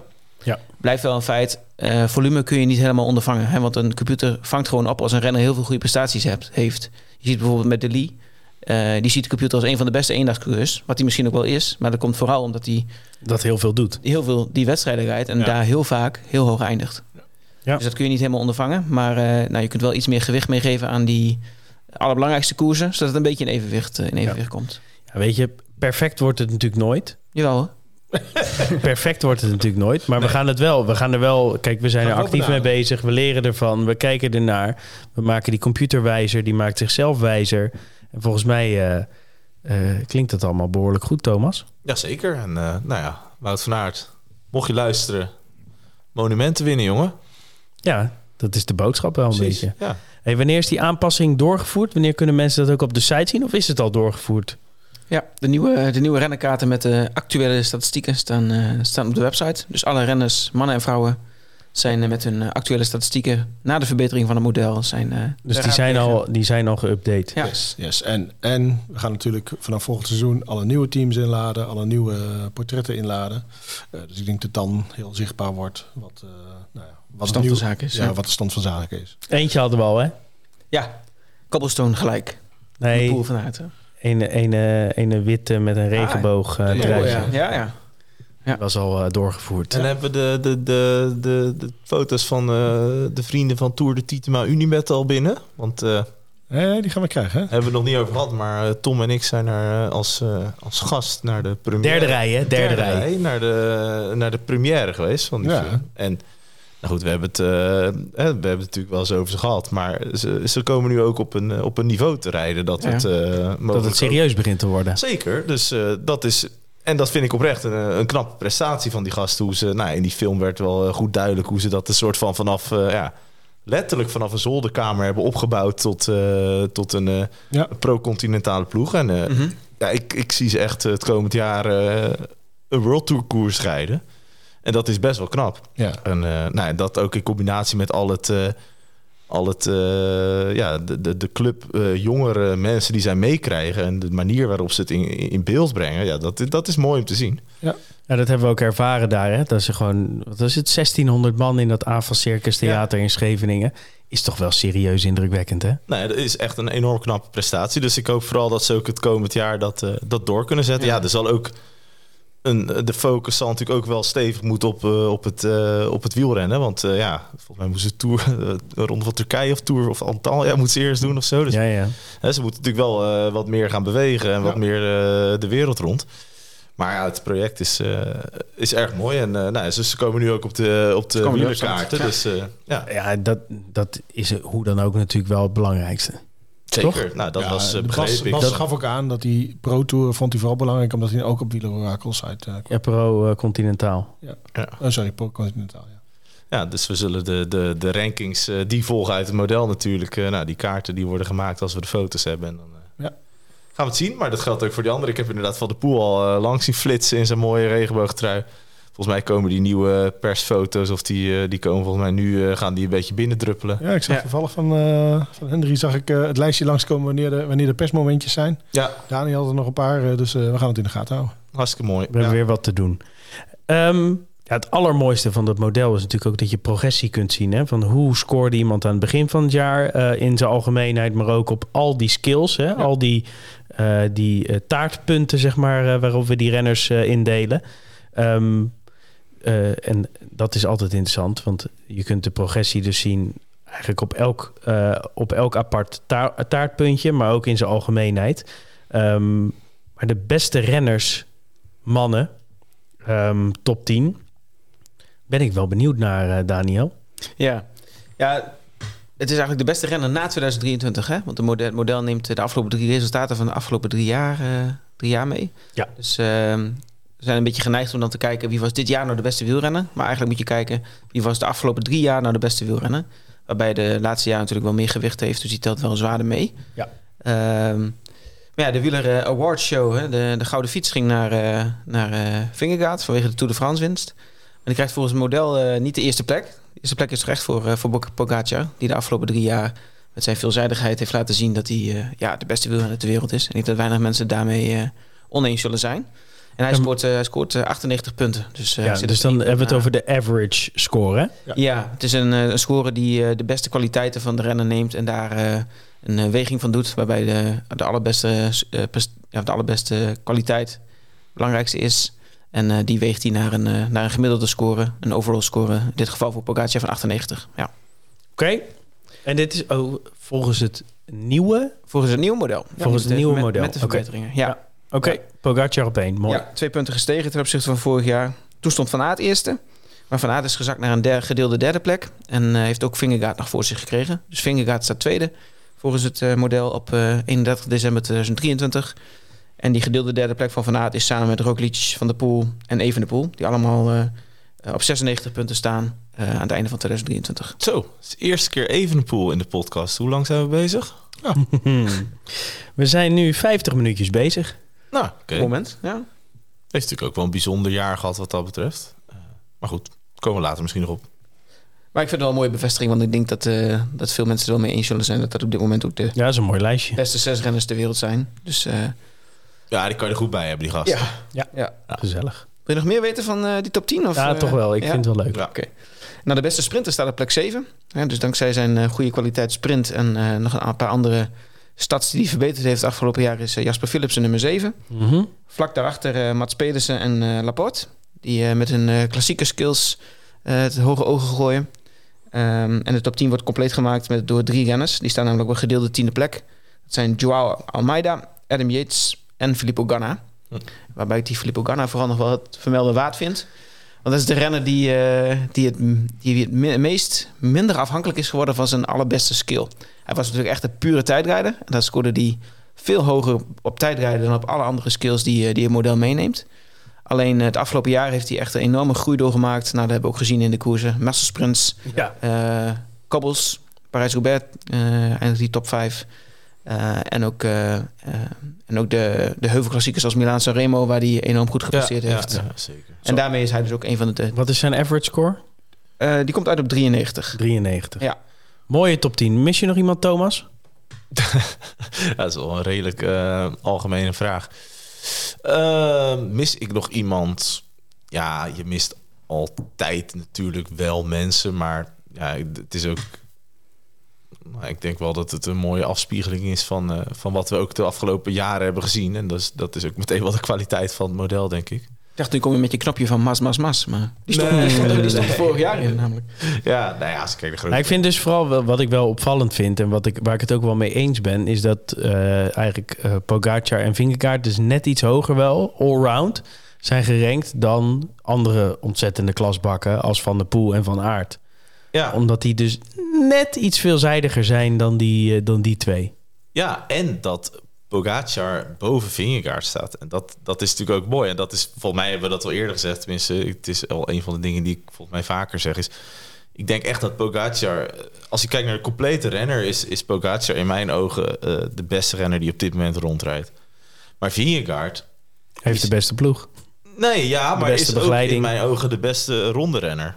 eh, Ja. Die op dit moment rondrijdt. Ja, door denk ik ook de beste ploeg en de beste begeleiding. Ja, en maar ook door intrinsieke kwaliteit op dat vlak. En dan heb je het over eh, klimmen boven de 2000 meter, eh, lange klimmen. Dat zijn toch dingen waar Pogacar toch steken laat vallen. En Vingegaard is echt ijzersterk daarin. Ja, al geloof ik dus nog steeds dat als Pogacar en Vingegaard de exact dezelfde begeleiding en middelen en dat soort dingen hebben, dat Pogacar alsnog beter is. Dat kan, maar dan rijdt Pogacar geen Ronde van Vlaanderen. Dan Nee. rijdt hij geen eh, Amstel, geen Waalse Pijl. Dan eh, doet hij in, eh in Milaanse Remo rustig aan. Doet hij E3-prijs niet. Ja. ja, dan moet je dat dan missen. Nou goed, weet je. En wat dat betreft is het gewoon ook nog een speel, speelbal. Ja, maar goed, ook volledig logisch, net, toch? net als dat Van de Poel, wat is het, twee, drie jaar geleden nog boven de 100 kilometer aanvallen deed. En die doet nu ook ietsje Ja. rustiger aan. Ik denk die focus die gaat er wellicht vanzelf komen. En misschien niet, hè? Nee, Kan maar ook. ook. Pogacar, Col la Loze in de Tour. Volledige ineenstorting. Ja, Vingegaard rijdt eigenlijk fluitend die Tour uit. Pogacar pakt daar nog die ene laatste rit in de Vogezen. En vervolgens rijdt hij ook nog het WK mee met een kopgroep. Hè, en, eh, Ja. Met Van Aert, Pedersen en Van der Poel. Nou, dat vind ik zo ongelooflijk knap. En dat en Vingegaard zie je daar niet bijvoorbeeld. Nee. Dus dat zou ik wel, nou, ik, weet- ik heb er niet veel over te zeggen. Maar eh Vingegaard, als je luistert, ik zou het wel leuk vinden als hij ook gaat proberen waar zijn, hè, waar ook zijn eh, Andere, andere zijn- limieten ja, waar die andere uitdagingen heeft. En, en, en, en dat hij daar ook een rol gaat spelen. Ja. Want dat is nogal magertjes bij hem, vind ik. Ja. Hey, gaan we door. Grootste stijgers. Ook wel interessant natuurlijk. Want hier eh, zouden we wat pareltjes kunnen ontdekken. Mhm. En is dit op basis van average? Eh, dat zouden we kunnen doen. We zouden kunnen kijken welke renner heeft nou de average eh, score het meest verbeterd. Maar we hebben ervoor gekozen om voor die, eh, voor die grootste stijgers toch te kijken naar een, een som van alle indicatoren. Dat zijn Oké. de- 13 indicatoren. En dan sommeren we alle, alle 13 indicatoren, hoe, hoe ze daarop ontwikkeld hebben gedurende drie- 2023. En dan krijg je een lijstje en dan staan de drie renners eigenlijk best wel duidelijk bovenaan. Waarbij Søren Werenskjöld eigenlijk wel de duidelijk nummer 1 is. Die heeft eh, zichzelf het afgelopen jaar het eh, meest verbeterd. Ehm, Derek G komt in nummer 2. Nou, die heeft een fantastische Giro gereden. Ja. Vier keer tweede in een etappe, twee eindklassementen tweede geworden. Ja, dat kunnen we ook niet omheen dat hij zich wel verbeterd heeft het afgelopen jaar. Eh, en op de derde plaats Romain Grégoire. Was natuurlijk al bestempeld als groot talent. Maar die heeft ook in zijn uitslagen laten zien dat hij eh Die heeft wel bevestigd af. bevestigt. Ja, zeker. Lekker punchy. Ja. En, en nummer vier is ook nog wat vermelden waard, want dat is Joshua Tarling. Eh, over single specialty gesproken, wat we net zeiden. Hè? Filippo Ganna die echt alleen maar kon tijdrijden volgens, de, volgens een model. Nou, dat is nu Joshua Tarling, degene met de hoogste single specialty score. Eh, maar die is dus eh, op tijdrit wel en andere indicatoren enorm verbeterd in 2023. Heb je nog een paar namen daarvan? Eh Meyerhofer met de Kettle Evans Great Ocean Race. Ehm, iets minder bekend Alexis Renard, Emilien Janier, Milan Vader. Ja. Dat is een Nederlandse hoop in bange dagen in, eh, in het oktober eh, najaar. Nou ja, Ja. o- Ondanks eh, terugkomen van blessure. Echt knap. Ja, ja hele mooie Guangxi gereden en eh, Ja. flink gestegen in, volgens het model. En nog twee namen die al wel gevestigd waren, maar die wel flink verbeterd zijn. Dat zijn Jay Fine en Laurens de Plus.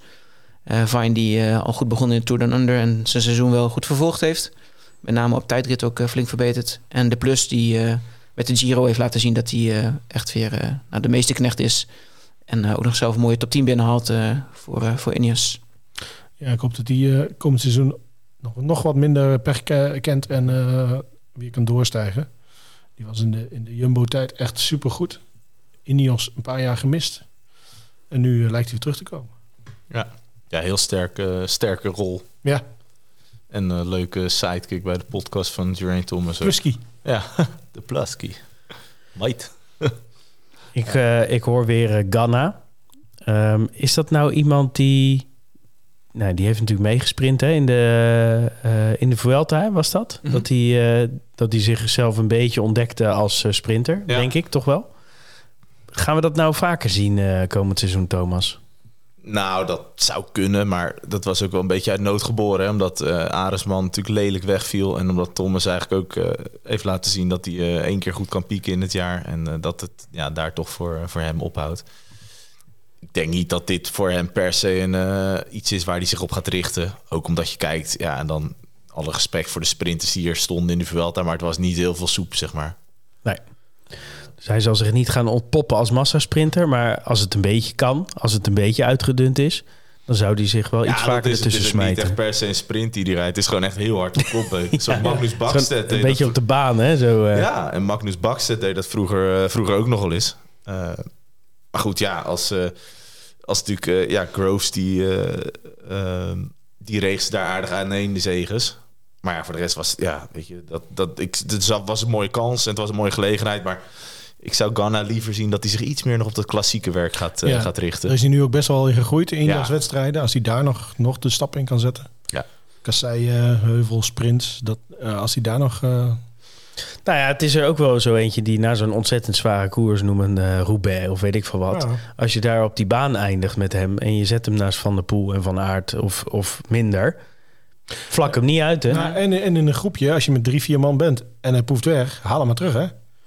Ja, zeker. Dat, maar dat was- ook de Parijs-Roubaix was daar dit jaar een heel mooi Ja. eh, opstapje voor. En dat, wie weet, ik geloof er heilig in dat hij dat in de toekomst ook gaan... eh, Beetje Cancellara-achtig. Ja. eh, Ik denk dat Ineos in de basis nooit met een, eh, met een eh, echte ploeg voor sprinten gaat komen. maar- Raar, het wordt een beetje een rare ploeg, Ineos. Ja, als je die, ik heb naar die leeftijd, leeftijdsverdeling zitten te kijken van die ploeg. Maar die hebben een paar hele jonge gasten van onder de 20. Dan hebben ze heel weinig in het midden. Tussen de 25 en de 28, voor mij het Wilto team met de minste renners in die piekleeftijd, zeg maar. Ja. En dan boven de 30 hebben ze ook weer hele wups. Ja, en ze hebben natuurlijk een aantal, weet je, zo'n Thomas, nou, daar houdt een keer op. Bernals even afwachten wat er Ja. gaat gebeuren. Ze hebben natuurlijk met Pitcock, Hater, Hater, eh Aresman, een aantal hele leuke jonge talenten. Beetje eh, UK, Nederlands. Ja. Sheff- Sheffield, Turner, ze hebben best wel... Ja, best wel- die hè, maar ook wel dat je denkt, oké, dat, dat zijn wel, eh zijn er ook een paar kwijtgeraakt natuurlijk. Pitkok. Ja, nee, maar ja, die zei ik toch of niet? Ja, die zei ik erbij. Ja, maar sorry. die, eh, hè, die, dat zijn natuurlijk wel, leuk, wel, wel leuke renners. Eh, maar ja, ze moeten wel iets gaan bedenken voor de, voor de toekomst. Waar willen ze heen? En dan is het ook maar de vraag of Ineos eh, natuurlijk ook eh, nog zin heeft om nog door te gaan in het wielrennen.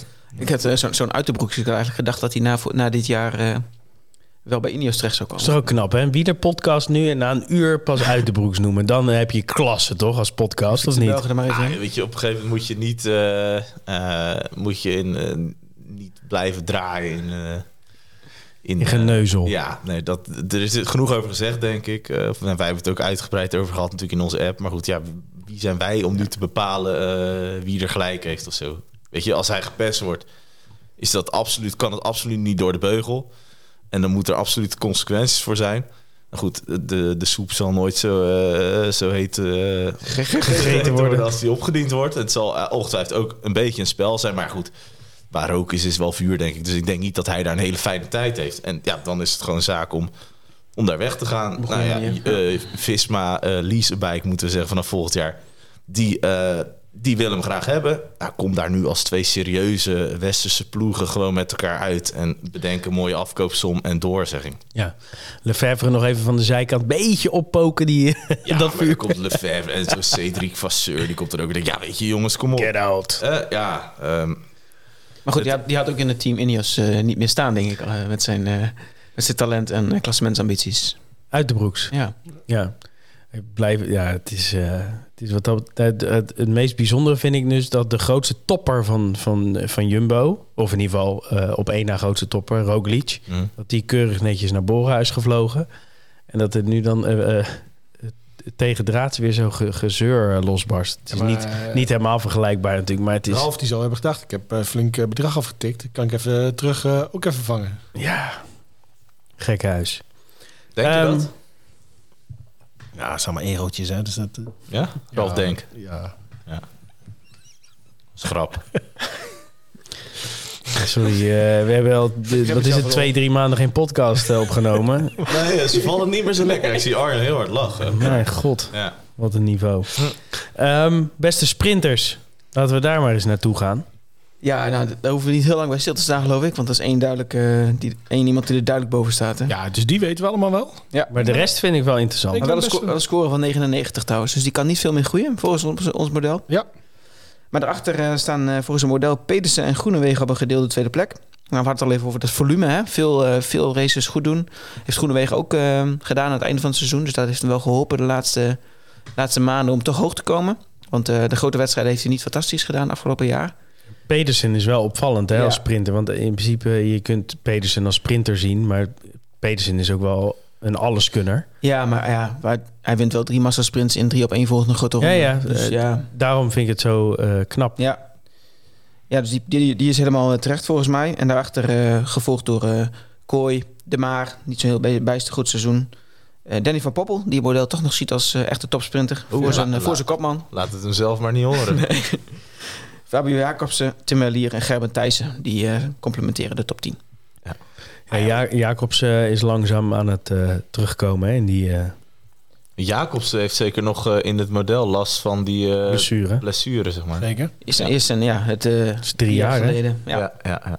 Ja. Nee, maar zo Pedersen, die won natuurlijk in de Vuelta- Groenewegen ook nog een beetje, Vorig jaar won hij natuurlijk vier ritten of zo, hè? Ja, ja. 22. Nou ja, op het moment zijn Pedersen en eh eh, Philipsen natuurlijk wel eh, de mannen. Ja, waarbij Philipsen maar er nog bovenuit stijgt. Als je in een massasprint eh Philipsen tegen... eh, gewoon een sec massasprint Philipsen eh, tegen Pedersen... dan wint Ja, Philipsen dat is, 9 eh, van de 10 keer. Gewoon helemaal niemand wint van hem. Nee, nou dan zou ik eerder nog, weet je, zo'n... dan denk ik eerder nog dat echt die pure sprinters, Merlier, zeg maar. ja. Jacobs, Merlier, eh Groenewegen, Kooi. Want da daar verheug ik me wel op. Ik weet niet of we Ja. dat nog gaan bespreken. Volgend jaar de eerste grote ronde van Olaf Kooi. Dat is wel iets waar ik echt naar uitkijk. Ehm, ja, dat Ja, en dat is er ook zo eentje Gaat die het- iets meer in zijn mars heeft dan alleen een sprint, hè? Ja, Kooi. Gaat het dan de Giro zijn en gaat dus Wout van Aert de lead-out zijn voor Olaf Kooi? Nee, toch. Nou ja, dat kunnen ze vrij aardig, is wel gebleken in de Tour of Britain. Maar Ja, ik denk dat het wel te hoort. Ja, ik vrees het ook. Het zal wel jammer zijn, want het duurt zo lang. Ja, Geduld, Daniel. Ja. Maar goed, een, eh, een Caden Gross bijvoorbeeld met eh, toch twee eh, grote ronde-etappes dit jaar. Die komt nog niet in de Ja, die de heeft top niet 10 een superseizoen, hè? Maar het is wel, eh, we hebben het nu natuurlijk al over Philipsen als de absolute man. Maar de afgelopen, ik denk de afgelopen 10, 15 jaar hebben we niet soort, nou ja, Cavendish dan. Maar de één, één sprinter die echt gewoon jarenlang de man was. Wat dat betreft wisselen die sprinter, sprinters zich ook best wel aardig af altijd. Hè? Kit- Kittel heeft ook al een tijdje... een Ja, Kittel, jaar- ja, maar dat is ook alweer eh Ja, een dat is ook een tijdje terug. tijdje Ja, geleden. voor dit seizoen vond ik juist die, eh, die afwisseling juist heel groot. Dus Ja. in dit Ja? jaar dat Philips er echt bovenuit stijgt. Ja, maar dat zeg ik. Dus Ja. het, ik, we zeggen nu, Philips is de man. Ja. Eh, Als, of hier, als we hier volgend jaar weer zitten, weet ik niet of dat, dat zomaar weer zo is hoor. Nee, nee, nee, ja, volgend jaar zal eh Merlier ook natuurlijk naar de Tour gaan, denk ik. Ja, bijvoorbeeld dus een Merlier. Maar we dachten op een gegeven moment ook, eh, de, natuurlijk zijn er blessures eh, en, en ongelukken gebeurd. Maar zo'n Jacobsen was natuurlijk ook een tijdje dat iedereen dacht Ja. van, nou, daar gaat voorlopig niet meer, eh, niemand meer aankomen. Ewan hebben we het niet eens over. Nou ja, dat heeft ook eventjes die potentie gehad. Is het helemaal, eh Uh, is Johan helemaal gaat, eh, teruggevallen? die gaat nog, eh, nog volgend jaar nog wel even een, een laatste teken van leven geven. Daar ben ik wel van overtuigd. Ja, dat vind ik juist interessant, want dat is in dezelfde ploeg als Groenewegen. Hè? Ja, die gaat, ja maar die gaat, lekker, die gaat lekker naar de Australië. Die Johan gaat de Giro doen. Groenewegen de Tour. Ja, Matthews er nog een beetje tussendoor. ja. Ja, maar die, heeft, die wil ook niet meer. Nee, die wil niet meer, Dus eh, dat is prima. Kasseien. Ja, de beste kasseirenner van de eh, rest renner van dit moment. Dat zijn er twee. Dat is de tweeling van de Poel en van Aert. Allebei 98 punten op, eh, op de specialiteit cobblestone. Ehm, ze worden gevolgd op, eh, door Christophe Laporte op de derde plek. Twee punten erachter. 96 scoort, hij. En wel leuk dat het model dit jaar ook Pogacar oppikt. Die, die vierde in die ranking staat. Samen Oh ja? met uh, Mats Pedersen. Ja. En dat is die monumentscore van Vlaanderen natuurlijk, wat echt goed aantikt. Ja, de E3. waar die E3. ook, eh, Ja, oké. Ja, oké. Ja, het ligt een beetje... Ja, Kasseien is natuurlijk... Het is natuurlijk je hebt ook kasseien die op een heuvel liggen en dan scoort die denk ik heel goed. Kijk, in Parijs-Roubaix zal die misschien uh, wat mensen die onder hem staan niet uh, voorblijven. Al weet je het natuurlijk Ja, ik kan zeggen, dat dachten Ja. we van Nibali ook niet. Nee, eh, precies. Dat is ook zeker, dat is zeker waar. Maar ja, het is terecht dat hij hoog staat. En, uh, Laat hem los in Roubaix en zonder ja, pech daar gelaten eindigt hij wel sowieso top 10, denk ik hoor. ja, ja. Wow, wow. Het is een uh, ontzettend talent. Maar ik neem aan dat Pedersen uh, ook wel ergens in die buurt staat. die is net zoveel als... Uh, oh, net zoveel, Ja, net zoveel punten. En vlak daarachter Kuhn. Ja. Die uh, oh, ja. ook uh, echt uh, de ja, go goede specialiteit uh, heeft hier. En uh, Nathan van Hoordonk die sluit zijn carrière af in, uh, in de top 10 van uh, beste kobbelrenners. Dus uh, spijtig op welke manier natuurlijk. Maar uh, die heeft ook de afgelopen jaren wel laten zien echt uh, zijn plek in deze top 10 wel te verdienen. Ja, eeuwig zonde. Man ja. wel in zijn... Nee, die, die heeft echt mega stappen natuurlijk gemaakt. Mm. Ook wel wat leuke... Uh, zat hij ook bij de Rode Lantaarn? Ja. ja. Ook een mooie podcast, vond ik. Uh, ja, ja, heel mooi inkijkje in uh, hoe hij dat uh, allemaal beleefd heeft. En uh, ja, hoe, hoe triest het eigenlijk uh, nu verloopt. Uh, terwijl hij een hele mooie plek had in die ploeg, volgens mij, juist in, die, in de kern van het, uh, van het voorjaarsteam, voorjaarsteam. Ontzettend veel pech op sportief gebied, maar gelukkig wel uh, een gezond kindje gekregen. Dus dat was dan weer een, uh, wel een prachtig deel van de podcast waarin hij ook gewoon het geluk op dat gebied uh, benadrukte. Ja, ik vond het vooral mooi hoe onvoorwaardelijk hij eigenlijk ook het succes van een ander wilde waarmaken. Ja, bizar hè? Gewoon echt alles aan wil doen. Hè, dat hij, na die, hij was bij het persmoment geweest en dat hij Jonas zag teruglopen zonder jas en dat hij zijn jas aan Jonas gaf omdat hij zegt, ja, jij moet niet ziek worden. Nou, dat, uh, dat is ja, voor mij dan echt wel. Ja. qua mindset. En dan ondanks dat ook nog gewoon zelf in de top 10 van de beste kobbelaars uh, zijn. Geef al wat aan. Ja, dit was uh, wel zijn seizoen in principe. Hè? Zijn echte, echte doorbraakseizoen. Ja. En daarom eeuwig zonde. Maar goed, gezond blijven is ook uh, belangrijk. Ja. Tijdrit. Ja, dat is wel een mooie ontwikkeling. Want vorig jaar aan het einde van het seizoen stond uh, uh, Stefan Kunk nog op nummer 1. Als beste tijdrijder van de wereld op dat moment. Uh, maar die is in het afgelopen seizoen ingehaald door uh, drie à vier renners. Ehm, en eh, Remco Evenepoel is als wereldkampioen tijdrijder nu eh, de nummer 1 tijdrijder volgens het AI-model. Eh wordt daar eh, gevolgd door, eh, door Ganna, niet verrassend. Maar toch een beetje eh, nou, tegenvallend ten opzichte van, eh van Evenepoel op zowel het WK als in, in de Giro. Ehm, en daarachter eh, Joshua Tarling, die eigenlijk eh, nou, zo'n beetje out of nowhere eh, de top 3 binnenstijgt. Hij stond op 63 punten aan het begin van dit jaar. En hij is eh 31 punten beter geworden. En scoort eh, aan het einde van 2023 94 punten op tijdrijden. Europees kampioen. Eh, en daarachter staan eh, Van Aert en Kung op een gedeelde, gedeelde vierde plek. Tobias Vos, de uitredende wereldkampioen, eh, is, is de zesde in deze lijst. Maar die eh, is met recht eh, wat teruggevallen. Die Ja. heeft eh, niks laten zien in zijn wereldkampioen trui. Ja, en dan zie je vanzelf dat ze teruglopen. hè? Ja. Ja. Eh, beste GC? Eh, ja, ik denk dat, eh, dat Thomas hier eh, zijn idee bevestigd krijgt. Ehm, nummer 1, Vingegaard. Nummer 2, Roglic. Nummer 3, Sepp Koes. Dus eh, Jumbo die maakt de volledige top 3 Oh, eh, compleet. We missen er één. je mist Ja? een Sloveentje, of niet? ja, die staat op gedeelde derde plek samen met Koes. Oh ja? Pogacar en Koes Ja. op in GC staan eh, op gelijke hoogte. Oh, Eh, wat we monu- bij Monumenten vertelden, heeft ook met de grote ronde natuurlijk waar. Die eh, tellen ook extra zwaar mee in zo'n model. Nou, Koes die heeft eh, dit jaar drie goede klassementen ja, gereden. dat is dan omdat hij er meer heeft gereden. Ja, ja. Drie natuurlijk, ja. Het is zeker op zich als hij hier, eh nou in Oesgeest misschien, maar als hij gewoon in een normale Nederlandse stad naar buiten loopt. Je vraagt aan de wielerliefhebbers van eh, Wie is Sepp Koes? eh, wie is een beter rondrender, Sepp Koes of eh Tadej Pogacar. Dan zeggen er denk ik wel veel Tadej Pogacar. Maar ik snap, met zit jullie nog- verhaal over de achtergrond van het model, snap ik wel dat hij hier eh, Ja, en- dat hij op gelijke hoogte staat. en er zit hier nog één klein featuretje in. Oeh. Dat is namelijk dat we ook knechten punten toe, Oh ja. toe eh, kennen van kopmannen die boven hun Mm, goede ja. punten. Ja.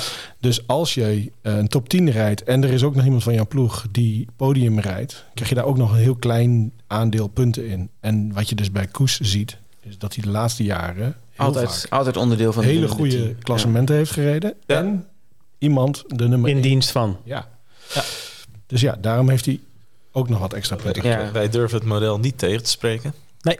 Dus dat doen we ook niet. Maar je mag je bedenking hebben hoor. Ja, ja. Dat zeker. ja, vrouw eh, Arjan. Dan komen we toch een beetje op jouw eh, bordje. Ja, ik zal, eh, ik, ik zal de eer hoog houden. Eh, nou, als we kijken naar de, de allerbeste eh, vrouwen. Eh, wie denk jij dan, eh, Thomas? Eh, de, de beste vrouw van de afgelopen drie jaar? Ja, ik ben wat biased door het laatste jaar, denk ik. Maar ja, dat is de Van Vleut of Vollering. Dus ik denk als het over de laatste drie jaar gaat, zal het wel Van Vleut zijn, denk ik. Ja, ze zijn gewogen, dus het laatste jaar telt het zwaarst. Dan Vollering. Ja, Vollering staat er bovenaan. Lekker man. Dus Vollering is bovenaan. Annemiek staat er nog wel in, maar is natuurlijk inmiddels met pensioen. Ja. Eh, staat op nummer twee samen met Lotte Kopecky. ja. Die ook overigens een fantastische wereldtitel behaalde, Kopecky. Om ook een beetje het probleem van het vrouwenwielrennen te duiden. Ja. Demi Vollering 1. Eh, Lotte dan, zeg maar nu 2, omdat Annemiek eh, weggaat. Lorena Wiebes. Drie. eh, en Marlijn Reuzer. Ja. Die krijgen van dezelfde werkgever salaris overgemaakt, Ja. zeker. Ja. Dat zijn de, de vier beste vrouwen op dit moment eh, rijden bij dezelfde ploeg. We weten dat de, de damesploegen nog wat kleiner zijn dan de mannenploegen. ja. En dat de grootste co- concurrent is gestopt. Ja. Ja. Ja, dat is toch wel eh, zorgelijk. En het leuke, leuke in die eh, in een beetje achtergrond bij die eh Vollering versus eh Kopecky is wel dat, dat je ziet dat ze een beetje stuiven wisselen, stuivertje wisselen op die indicatoren. Hè? Ja. Dus eh Kopecky een beetje beter op de kabbels, eh Vollering een beetje beter op de heuvels ja. en in de bergen. Eh Kopecky weer een beetje beter op de tijdrit. Dus zo eh, wisselen ze het af en staan ze eigenlijk heel dicht bij elkaar in, eh, in die overall score. Maar ook op de alle onderliggende, onderliggende stads eh, scoren ze bijna gelijk. Ik geloof dat ze allebei hun slechtste score is eh 88 of 90 of zo voor, eh, voor allebei. Dus het is echt bizar hoe ja. hoog die boven de rest uh, Je moet, dat, je moet dat eigenlijk nooit vergelijken natuurlijk, hè? man en vrouw wielrennen. Maar zou je dan Kopecky een beetje vergelijken met Van Aert? En misschien een Vollering dan meer met een Pogacar? Ja.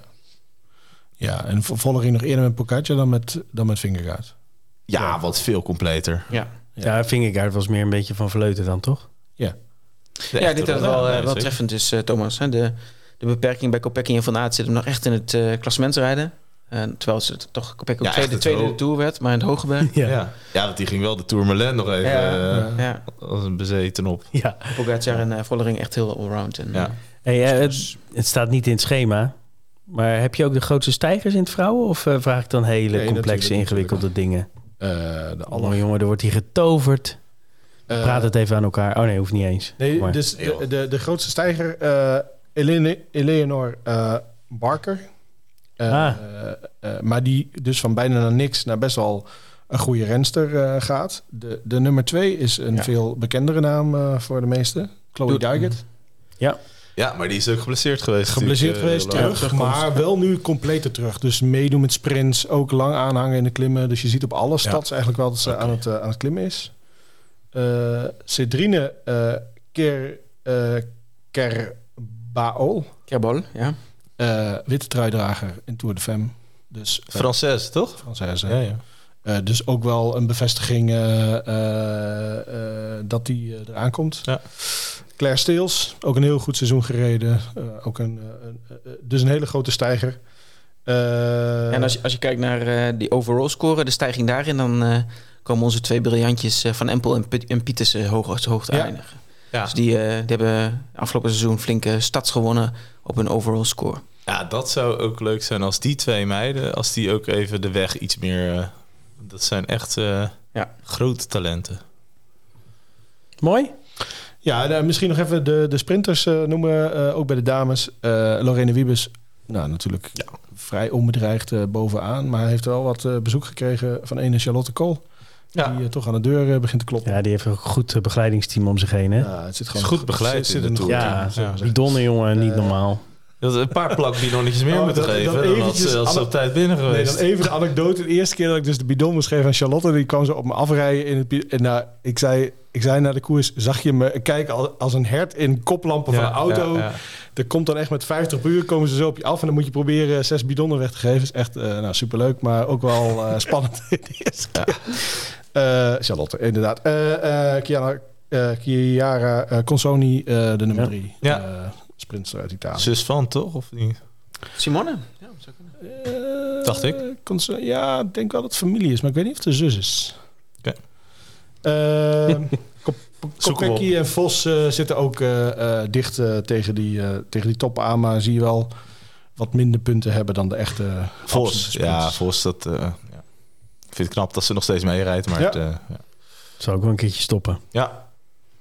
Toch? Lijkt mij.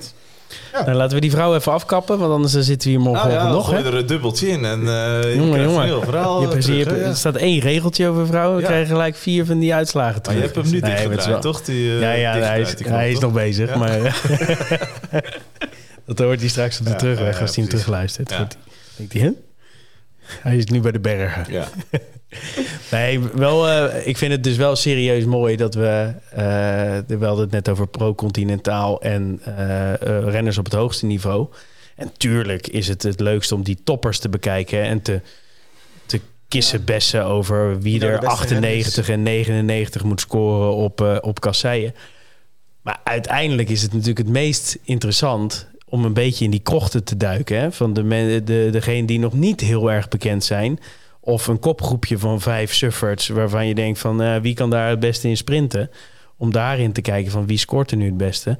En ook het vrouwenwielrennen. Ja, we, eh, we geven er steeds meer podium eh, aan, ook in de podcast en ook op de, op de blog. Ehm, en dat is ook mooi en het wordt ook steeds beter. Maar het is ook wel mooi dat we dus al die data al gewoon hebben. Ja. Dus al die vrouwen die daar rondrijden, die hebben allemaal zo'n profiel. En dat is natuurlijk wel gewoon echt tof. En ehm nou zijn we ook wel uniek, uniek in, hè? En Moeten we nog zeggen dat we benaderd waren door teams of eh, doen we dat juist eh, niet? Nee, doen we, de, doen we later. Doen we later. Hey, ehm, 2024. We hebben het al eh, een aantal keer erover gehad. Hè, over de programma's van Pogacar en van Van Aert. Maar wat is nou waar je je het meeste op verheugt, eh, Daniel? Nou, allereerst om, eh, om Van der Poel in die regenboogtrui te zien rijden. Ja, ik kan niet wachten om dat te zien in de Ronde van Vlaanderen, in Parijs-Roubaix, in Milaan-San Remo. Dat zijn toch wel eh, de unieke momenten die je als Nederlandse wielerliefhebber toch moet koesteren, denk ik. Dus daar kijk ik in eerste instantie eh, enorm naar uit. Ehm, en maar, maar toch ook wel hè, het debuut van Kooi in een grote ronde. Dus wordt toch vaak nog wel gezegd van hij heeft er nog niet echt laten zien in de allerbelangrijkste wedstrijden. Dus ik hoop dat, dat hij ook de kans krijgt om echt tegen een goed sprintveld te laten zien dat hij ook grote ronde etappes, etappes kan winnen. Ja, en ik vind een jaar met de Olympische Spelen ook altijd wel het eh, vermelden waard. Want ja, dat zijn toch ook van die unieke verhalen die de geschiedenisboek ingaan. En niemand, niemand vergeet hoe Van Avermaat in eh, Rio won. Eh Carapaz misschien iets minder indrukwekkend in Tokio, maar toch ook echt een mooie koers. Ja. Maar ja, als je het parcours van de komende Olympische Spelen in Parijs ziet... ja, dan kunnen we weer een Glasgow eh, affiche verwachten met Pogacar, Van Aert, Van der Poel, Pedersen. Dus dat zijn wel drie momenten waar, eh, ja, waar ik echt naar uitkijk komend Ja, al het gas is weggemaaid. Thomas, heb jij ook nog iets? Ik zag dat het parcours van de Vuelta bekend was geworden. Negen aankomsten bergop, dus die doen de naam ook alweer eer aan. Oké. Negen maar. Negen, ja. Ja, dan gaat Kooi daarheen, ja. Ja, nee, ik, eh, ja, waar kijk ik naar uit? Tourdebuut van Evenepoel.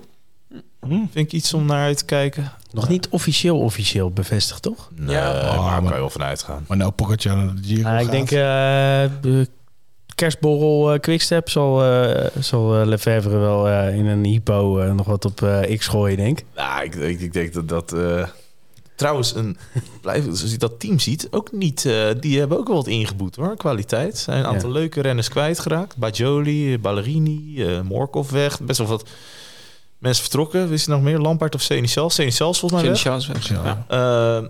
Ja, dat is dus wel zonde. Hebben ze Mico Landa terug. Maar ja, ook voor ondersteuning van eh Evenepoel nog niet ideaal. Ja. Maar goed, wel benieuwd om hem in... Zeg je nou echt landen als ondersteuning? Oh, hij staat er ook. Hij staat weer over, sorry jongens. nee, nee, maar eh, dat, dat, eh, ja, dat is gewoon dat als hij kijkt dan wat UAE eh, voor de Tour op, eh, op, de, op de lijst heeft staan. Daar kijk Ja. ik ook naar uit. Hoe Zo. die met, Zo. met 6,5 kopman Ja. de Tour gaan rijden, zeg maar. Ja. Dus voor maar Polliet en dan voor de rest kopmannen. En misschien wel eens nog. Daar, daar kijk ik ook wel naar uit. Naar dat, eh, een beetje movies naar madness. Hè. Het is gewoon... eh, gaan ze dat in het houden? Ayuso... eh, Almeida. Ja, maar ook wel gewoon, ze moeten er wel van maken. Kijk, je weet één ding, als jij gewoon eh, meegaat en eh, hoe Jumbo graag die Tour zou willen Ja. rijden. Al mist Jumbo met Van Aert toch wel eh, twee, drie eh, motoren. Als die niet rijdt. Als hij niet rijdt. Maar eh, goed, dat, dus dat, dat gaan we zien. En voor de rest, het WK kijk ik toch wel eh, naar uit. Ik Iets denk meer, dat, eh, iets meer klimmers. ja, eh, ik denk eerlijk gezegd dat het heel moeilijk wordt voor Van der Poel om zijn, om zijn wereldtitel te verdedigen. Ik denk dat het meer, op het- meer iets, een, iets is voor een Pogacar, een Evenepoel. Een Pogacar even kijken wat hij nog in zijn tank heeft zitten. Evenepoel zou het perfect voor passen. Het is meer luik Bastenaken luik dan, eh, Ook iets misschien. ja. dan, eh, dan eh, weet je, Amsterdam Gold Race of zo. Het is, het is iets langer allemaal te klimmen. En daar zie je dat Van der Poel toch vaak wel iets meer moeite mee heeft. Het is ook Ja. iets... Zwaarder. iets zwaarder. Van aard zou het misschien nog kunnen. Eh, en maar ik kijk ook wel uit naar inderdaad naar de klassiekers. Al vind ik het wel oprecht eh, jammer dat Pogacar daar eh, niet in te bewonderen is. Maar ik hoop wel dat Van Aert daar wel gewoon Mhm. in topvorm is. En dat denk ik wel, want die past zijn veldritseizoen wel echt aan op zijn wegseizoen. Dus Ja. ja. ja, Ja. ik denk dat het wel eens een goed jaar voor Van Aert zou kunnen worden. En Jij, Tom? Nou ja, ik ben wel benieuwd naar eh, wat gasten die... ehm, nou, zoals zo'n Ala Philippe. Ja. Of dit nou echt de, de definitieve val wordt. Of dat hij toch wel weer zich een beetje kan, Ja. eh, kan rechten. Na, eh, nou, sinds die... Dat is inmiddels alweer eh twee seizoenen geleden. Hè? Die harde, 22 harde, harde val in, in Luik. Oh, ja. In Luik, ja. Ja, En sindsdien is die, is die niet meer top geweest. Is hij gewoon knetterhard voorbij gestreefd door nou ja, Pogacar, Mm. Van der Poel, Van Aert. Dat soort gasten. En ik ben wel echt benieuwd of hij dan toch wel weer een beetje terug... Ik zou het wel leuk vinden. Als Zeker. Alaphilippe zich ook wel weer meldt in dat soort koersen. Hè? Die, die echte klimkoersen. Ja, ja, ja, ja. Ehm, ja, en, en, en verder is het voor mij voornamelijk ehm, Van Aert van der Poel. Ehm, en dan een hele tijd eigenlijk niks. Waar Pogacar af en toe er doorheen eh, fietst. Maar goed, omdat hij zoveel doelen heeft dit jaar... verwacht ik hem... Ja, ze hadden hem gevraagd aan zijn belangrijkste doel was Giro of Tour. En dan zei hij WK. Dus eh, ik denk dat hij volgens mij heeft hij zijn zinnen wel gezet op die uh, regenboogtrui vooral. Ja. Ja. En ik zou het vooral leuk vinden als Van Aert ook wat moois wint. Dus ook een monument. ja. Want dat gun ik hem wel. Of een kampioenschap. Of beide. Ja, gewoon... eh, ik, ik ben... Dikke prijs. Kijk, als, als mensen aan mij, ze- eh, aan mij vragen van aard van de poel, doe eens. Wie zou jij eh, kiezen, Tom? Van Aert of Van de Poel? Ja, dan, leuk dat je dat vraagt. Ja, ja, ja. En ik zou, eh, ik zou dan altijd Van der Poel zeggen. Ja. Maar is- ik ben niet tegen Van Aert. Ik vind Van Aert ook echt een geweldige renner. Ja? Ja. Natuurlijk. Dus als, als we vijf zeg, we hebben vijf monumenten, dan mag Van Aert er van mij twee winnen en Van der Poel drie. Dat is prima. Ja. Dus ik gun Van Aert ook Mooi. wat. En ik gun het vooral dat hij heeft toch, het lijkt alsof hij een soort van moi-seizoen heeft hè, in zijn in zijn uitslagen, Ja, maar maar, zo verschrikkelijk van veel ereplaatsen, zoveel. Acht grote eendagskoersen gereden. Slechtste uitslag, vierde in de Ronde van Vlaanderen. Ja, dat is een mediaan om u tegen te zeggen, Daniel. beste, ja. Nee, maar Ja, die gaat ook wel die gaat ook een prijs pakken. Ik heb er echt eh, vertrouwen in. Hij heeft een nieuwe trainer dit jaar. Dus dat is ook wel Rijboer. Even een andere, andere eh, wind die gaat waaien. En dat wat jij zegt over Alaphilippe is wel echt interessant inderdaad. Hetzelfde geldt in mindere mate een beetje voor Bernal, denk ik. ja, Oh ja, aan. Kijken waar die, eh, wat die eh, nog kan. En eh, ja, er zijn wel meer mensen. Ik, ik geloof altijd heilig in de renners die zeg maar dit jaar dan een, een matig jaar hebben gehad. Die dan volgend jaar weer boven komen drijven. Dus Girmay denk je, of niet? nou, daar Nou. wilde ik toevallig naartoe. Ja, leuk. Eh, dat is goed dat jij het zegt. Uh, heeft in 2022 een, een fantastisch jaar gehad. Wonderjaar met eh Gent-Wevelgem. Ja. Eh, met de Giro, waar hij natuurlijk echt super reed. Heeft daarna is echt een terugval gekregen. Niet heel gek, want hij, ja, dat is lullig om te zeggen... maar hij zit niet bij de meest professionele ploeg van het peloton. Eh, hij heeft ook te maken gehad met een hele natie... die, die hem als held omarmde... en alle aandacht die naar hem uitging. Dus dat heeft, dat heeft wel denk ik zijn weerslag gehad.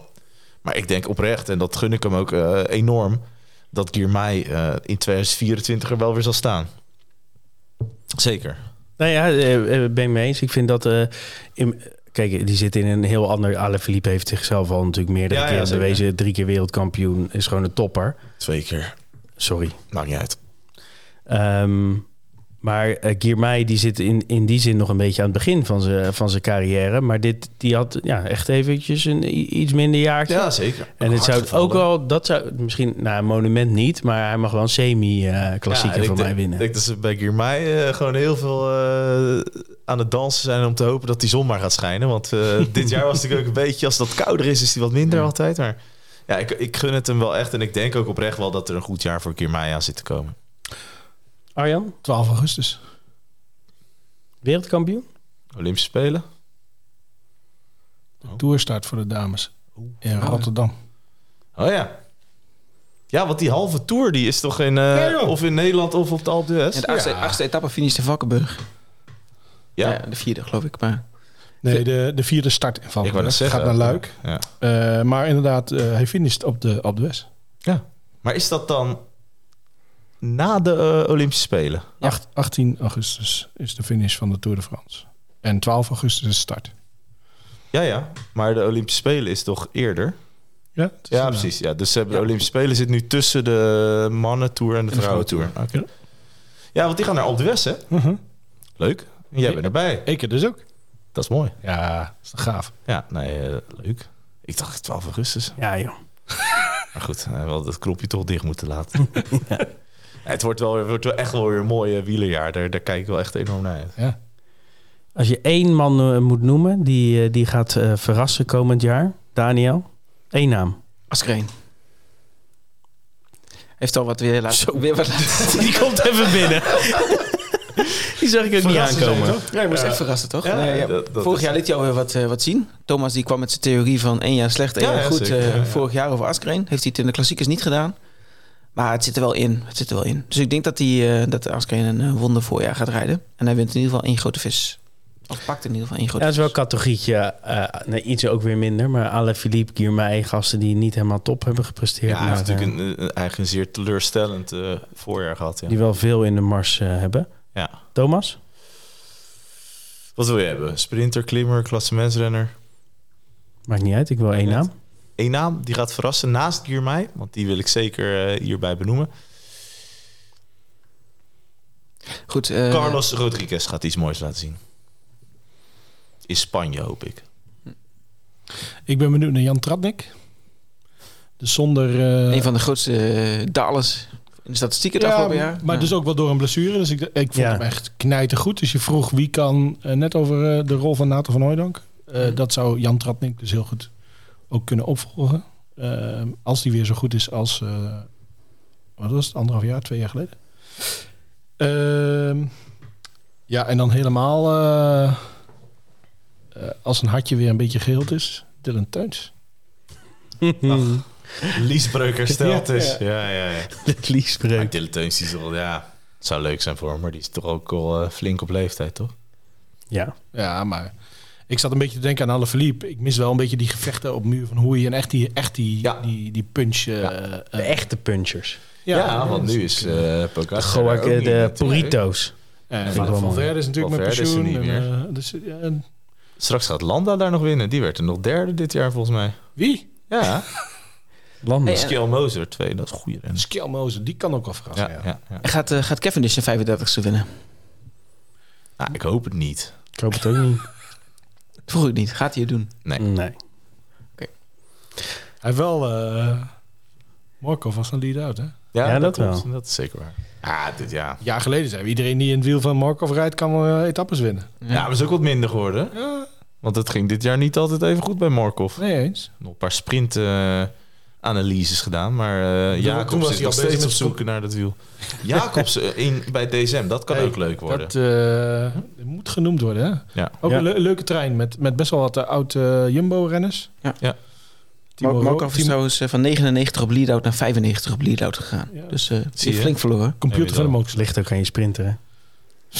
Ja. Er ligt een lead-out. En eh, één naam van jou? Tom? Tom? Nee, de, één naam. Ja, ik ga niet eh, Matteo Jurgensen noemen dan. Nee. Dat is... eh, Het is mooi dat je die niet noemt. nee, die noem ik niet. Want Nee. ik, ben wel, eh, ik ben ook niet benieuwd hoe die dit gaat doen bij, bij Jumbo met de fatsoenlijke Nee. begeleiding. zal wel redelijk gaan, denk ik. Ik ga ook niet Ben Healy noemen. Nee. Dat wordt, zou ook het jaar van de bevestiging moeten zijn. Ja, Ja, die ja. krijgt terugslag, ik denk. Ja. Normaal gesproken zou het wel wat lastiger voor hem worden dit jaar. Hij wordt iets meer eh, op hem gelet. Ja. Maar wel interessante renner. Maar wie ik wel noem, is toch Juan Ayuso. Ja.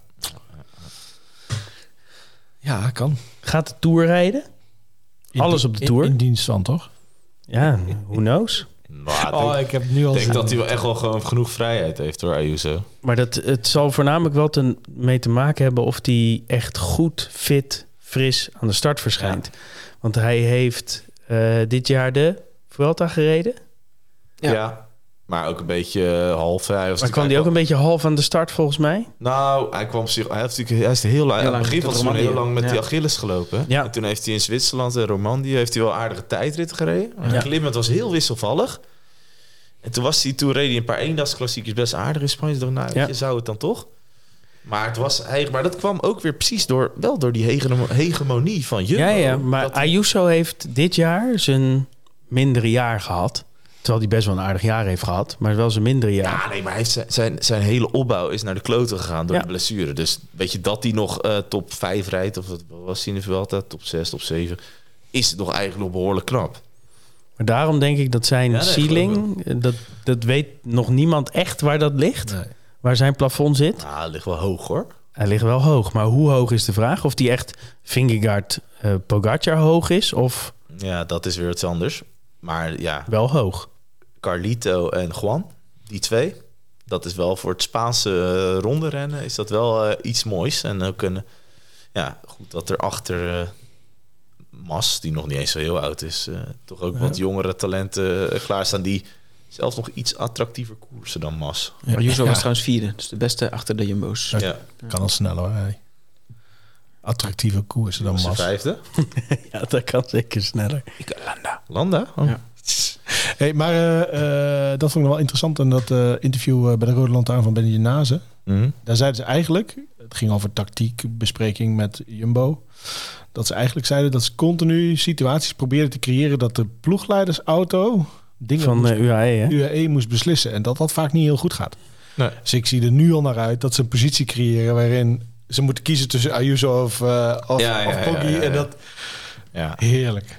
Ja, dat, dat is zeker. Ja, ze denken daar ook gewoon heel goed over na bij Ja. Jumbo. Dat is, dat is gewoon echt heel knap. Dus in dat grote ronde wielrennen hebben ze echt gewoon die lat, die standaard gewoon echt zo eh, omhoog gebracht. Ja.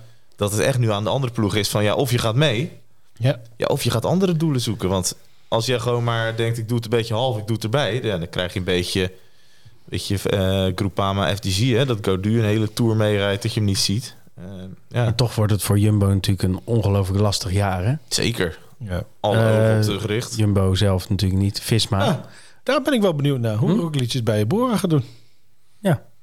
Eh, ja, ik ben er ook benieuwd naar. Ja, heel eerlijk gezegd heb ik wel mijn twijfels erbij. Ah. Maar goed. Hij heeft wel zijn trainer meegenomen van Jumbo naar Bora. Ik Ja. vond Van Aert niet zo leuk. Nee, nee, maar ja, ik weet niet. Ik, ik, gun het hem wel. Ik ben altijd wel een Roglic fan. Ja.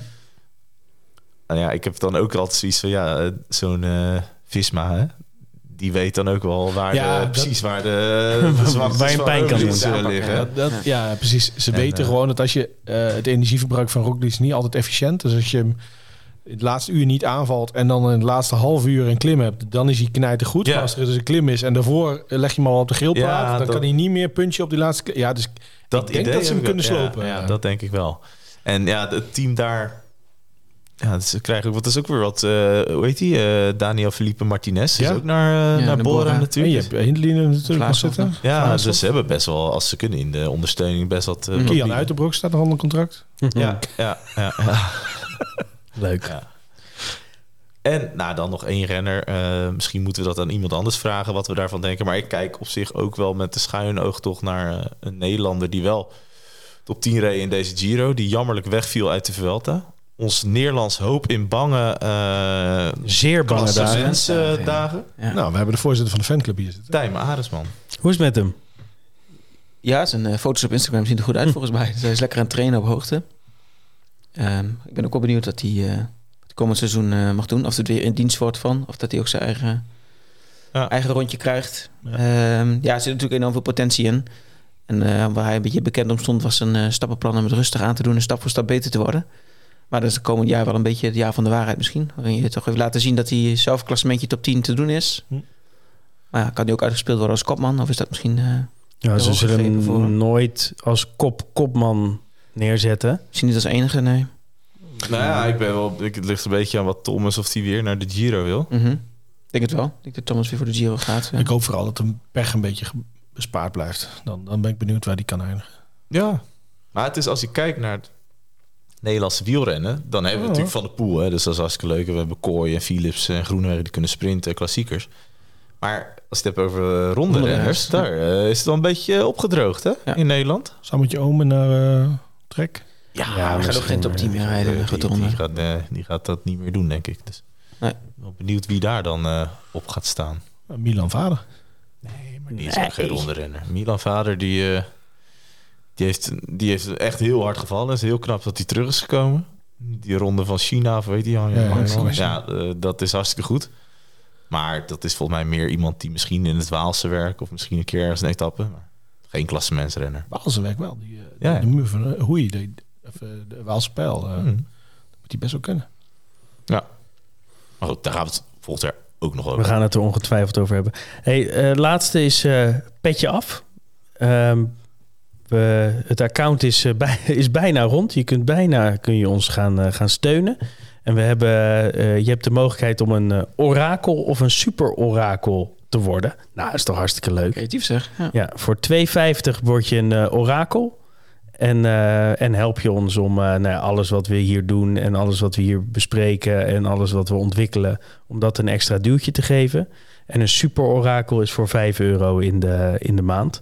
En als je hem eh, voor het hele jaar aftikt, krijg je zelfs nog een beetje korting. Nou, dat is toch geweldig, Thomas? Nou, dat is prachtig. Het is een, het is een leuk iets. Ik ben heel benieuwd wanneer het, wanneer het online komt. Het kan ons zeker helpen, denk ik, om bepaalde plannen die we hebben, om die ook ja, te gaan verwezenlijken, nieuwe dingen te ontdekken. Ik kijk echt heel erg uit naar eh, het verder ontwikkelen van de rennerskaarten. Want dat is ook echt, het ziet er echt fantastisch uit, natuurlijk, de, de hele afbeelding op de computer. Maar als we daar ook fysiek iets mee kunnen, dat zou echt heel mooi zijn. Dus eh, nou ja, weet je, elke steun die wordt geboden, die wordt natuurlijk ontzettend ge- gewaardeerd. Maar ja, het opbouwen van een community, een community met orakels en wielerorakels, en dat is toch iets waar wij stiekem altijd wel eh, een beetje van dromen. En eh, ik, ik hoop dat we volgend jaar wel weer de volgende stap kunnen zetten daarin. Ja, dus eh, we weten niet wanneer je deze podcast luistert, maar neem even een kijkje op Petje Af en we zullen het zeker ook delen als het zover is. En ehm, ja, we gaan nu weer, we, trekken het wol weer een beetje over ons heen. Ja. Nog even een, eh, een goede anderhalve maand. Even le leesvoer van de blog eh, met alle ontwikkelingen Ja. van de statistieken. Er komen allerlei eh, blogs wel live in de tussentijd. Maar qua podcasting gaan we begin februari wel weer achter die microfoons kruipen. Ja. Want dan gaan we vol gas previewen natuurlijk op, eh, op het openingsweekend. ja, zeker. De omloop eh, staat alweer gepland natuurlijk. En Dus, een spelletje spelen. Dus wielerspelletjes spelen, allemaal van dat soort mooie dingen. Dus eh, genoeg, genoeg te doen. Dank mannen, was weer gezellig. Ja. Ik zou zeggen, fijne dagen. Maak er wat van. Doe voorzichtig. En eh, tot volgend jaar. tot later. Want ja, Tot later.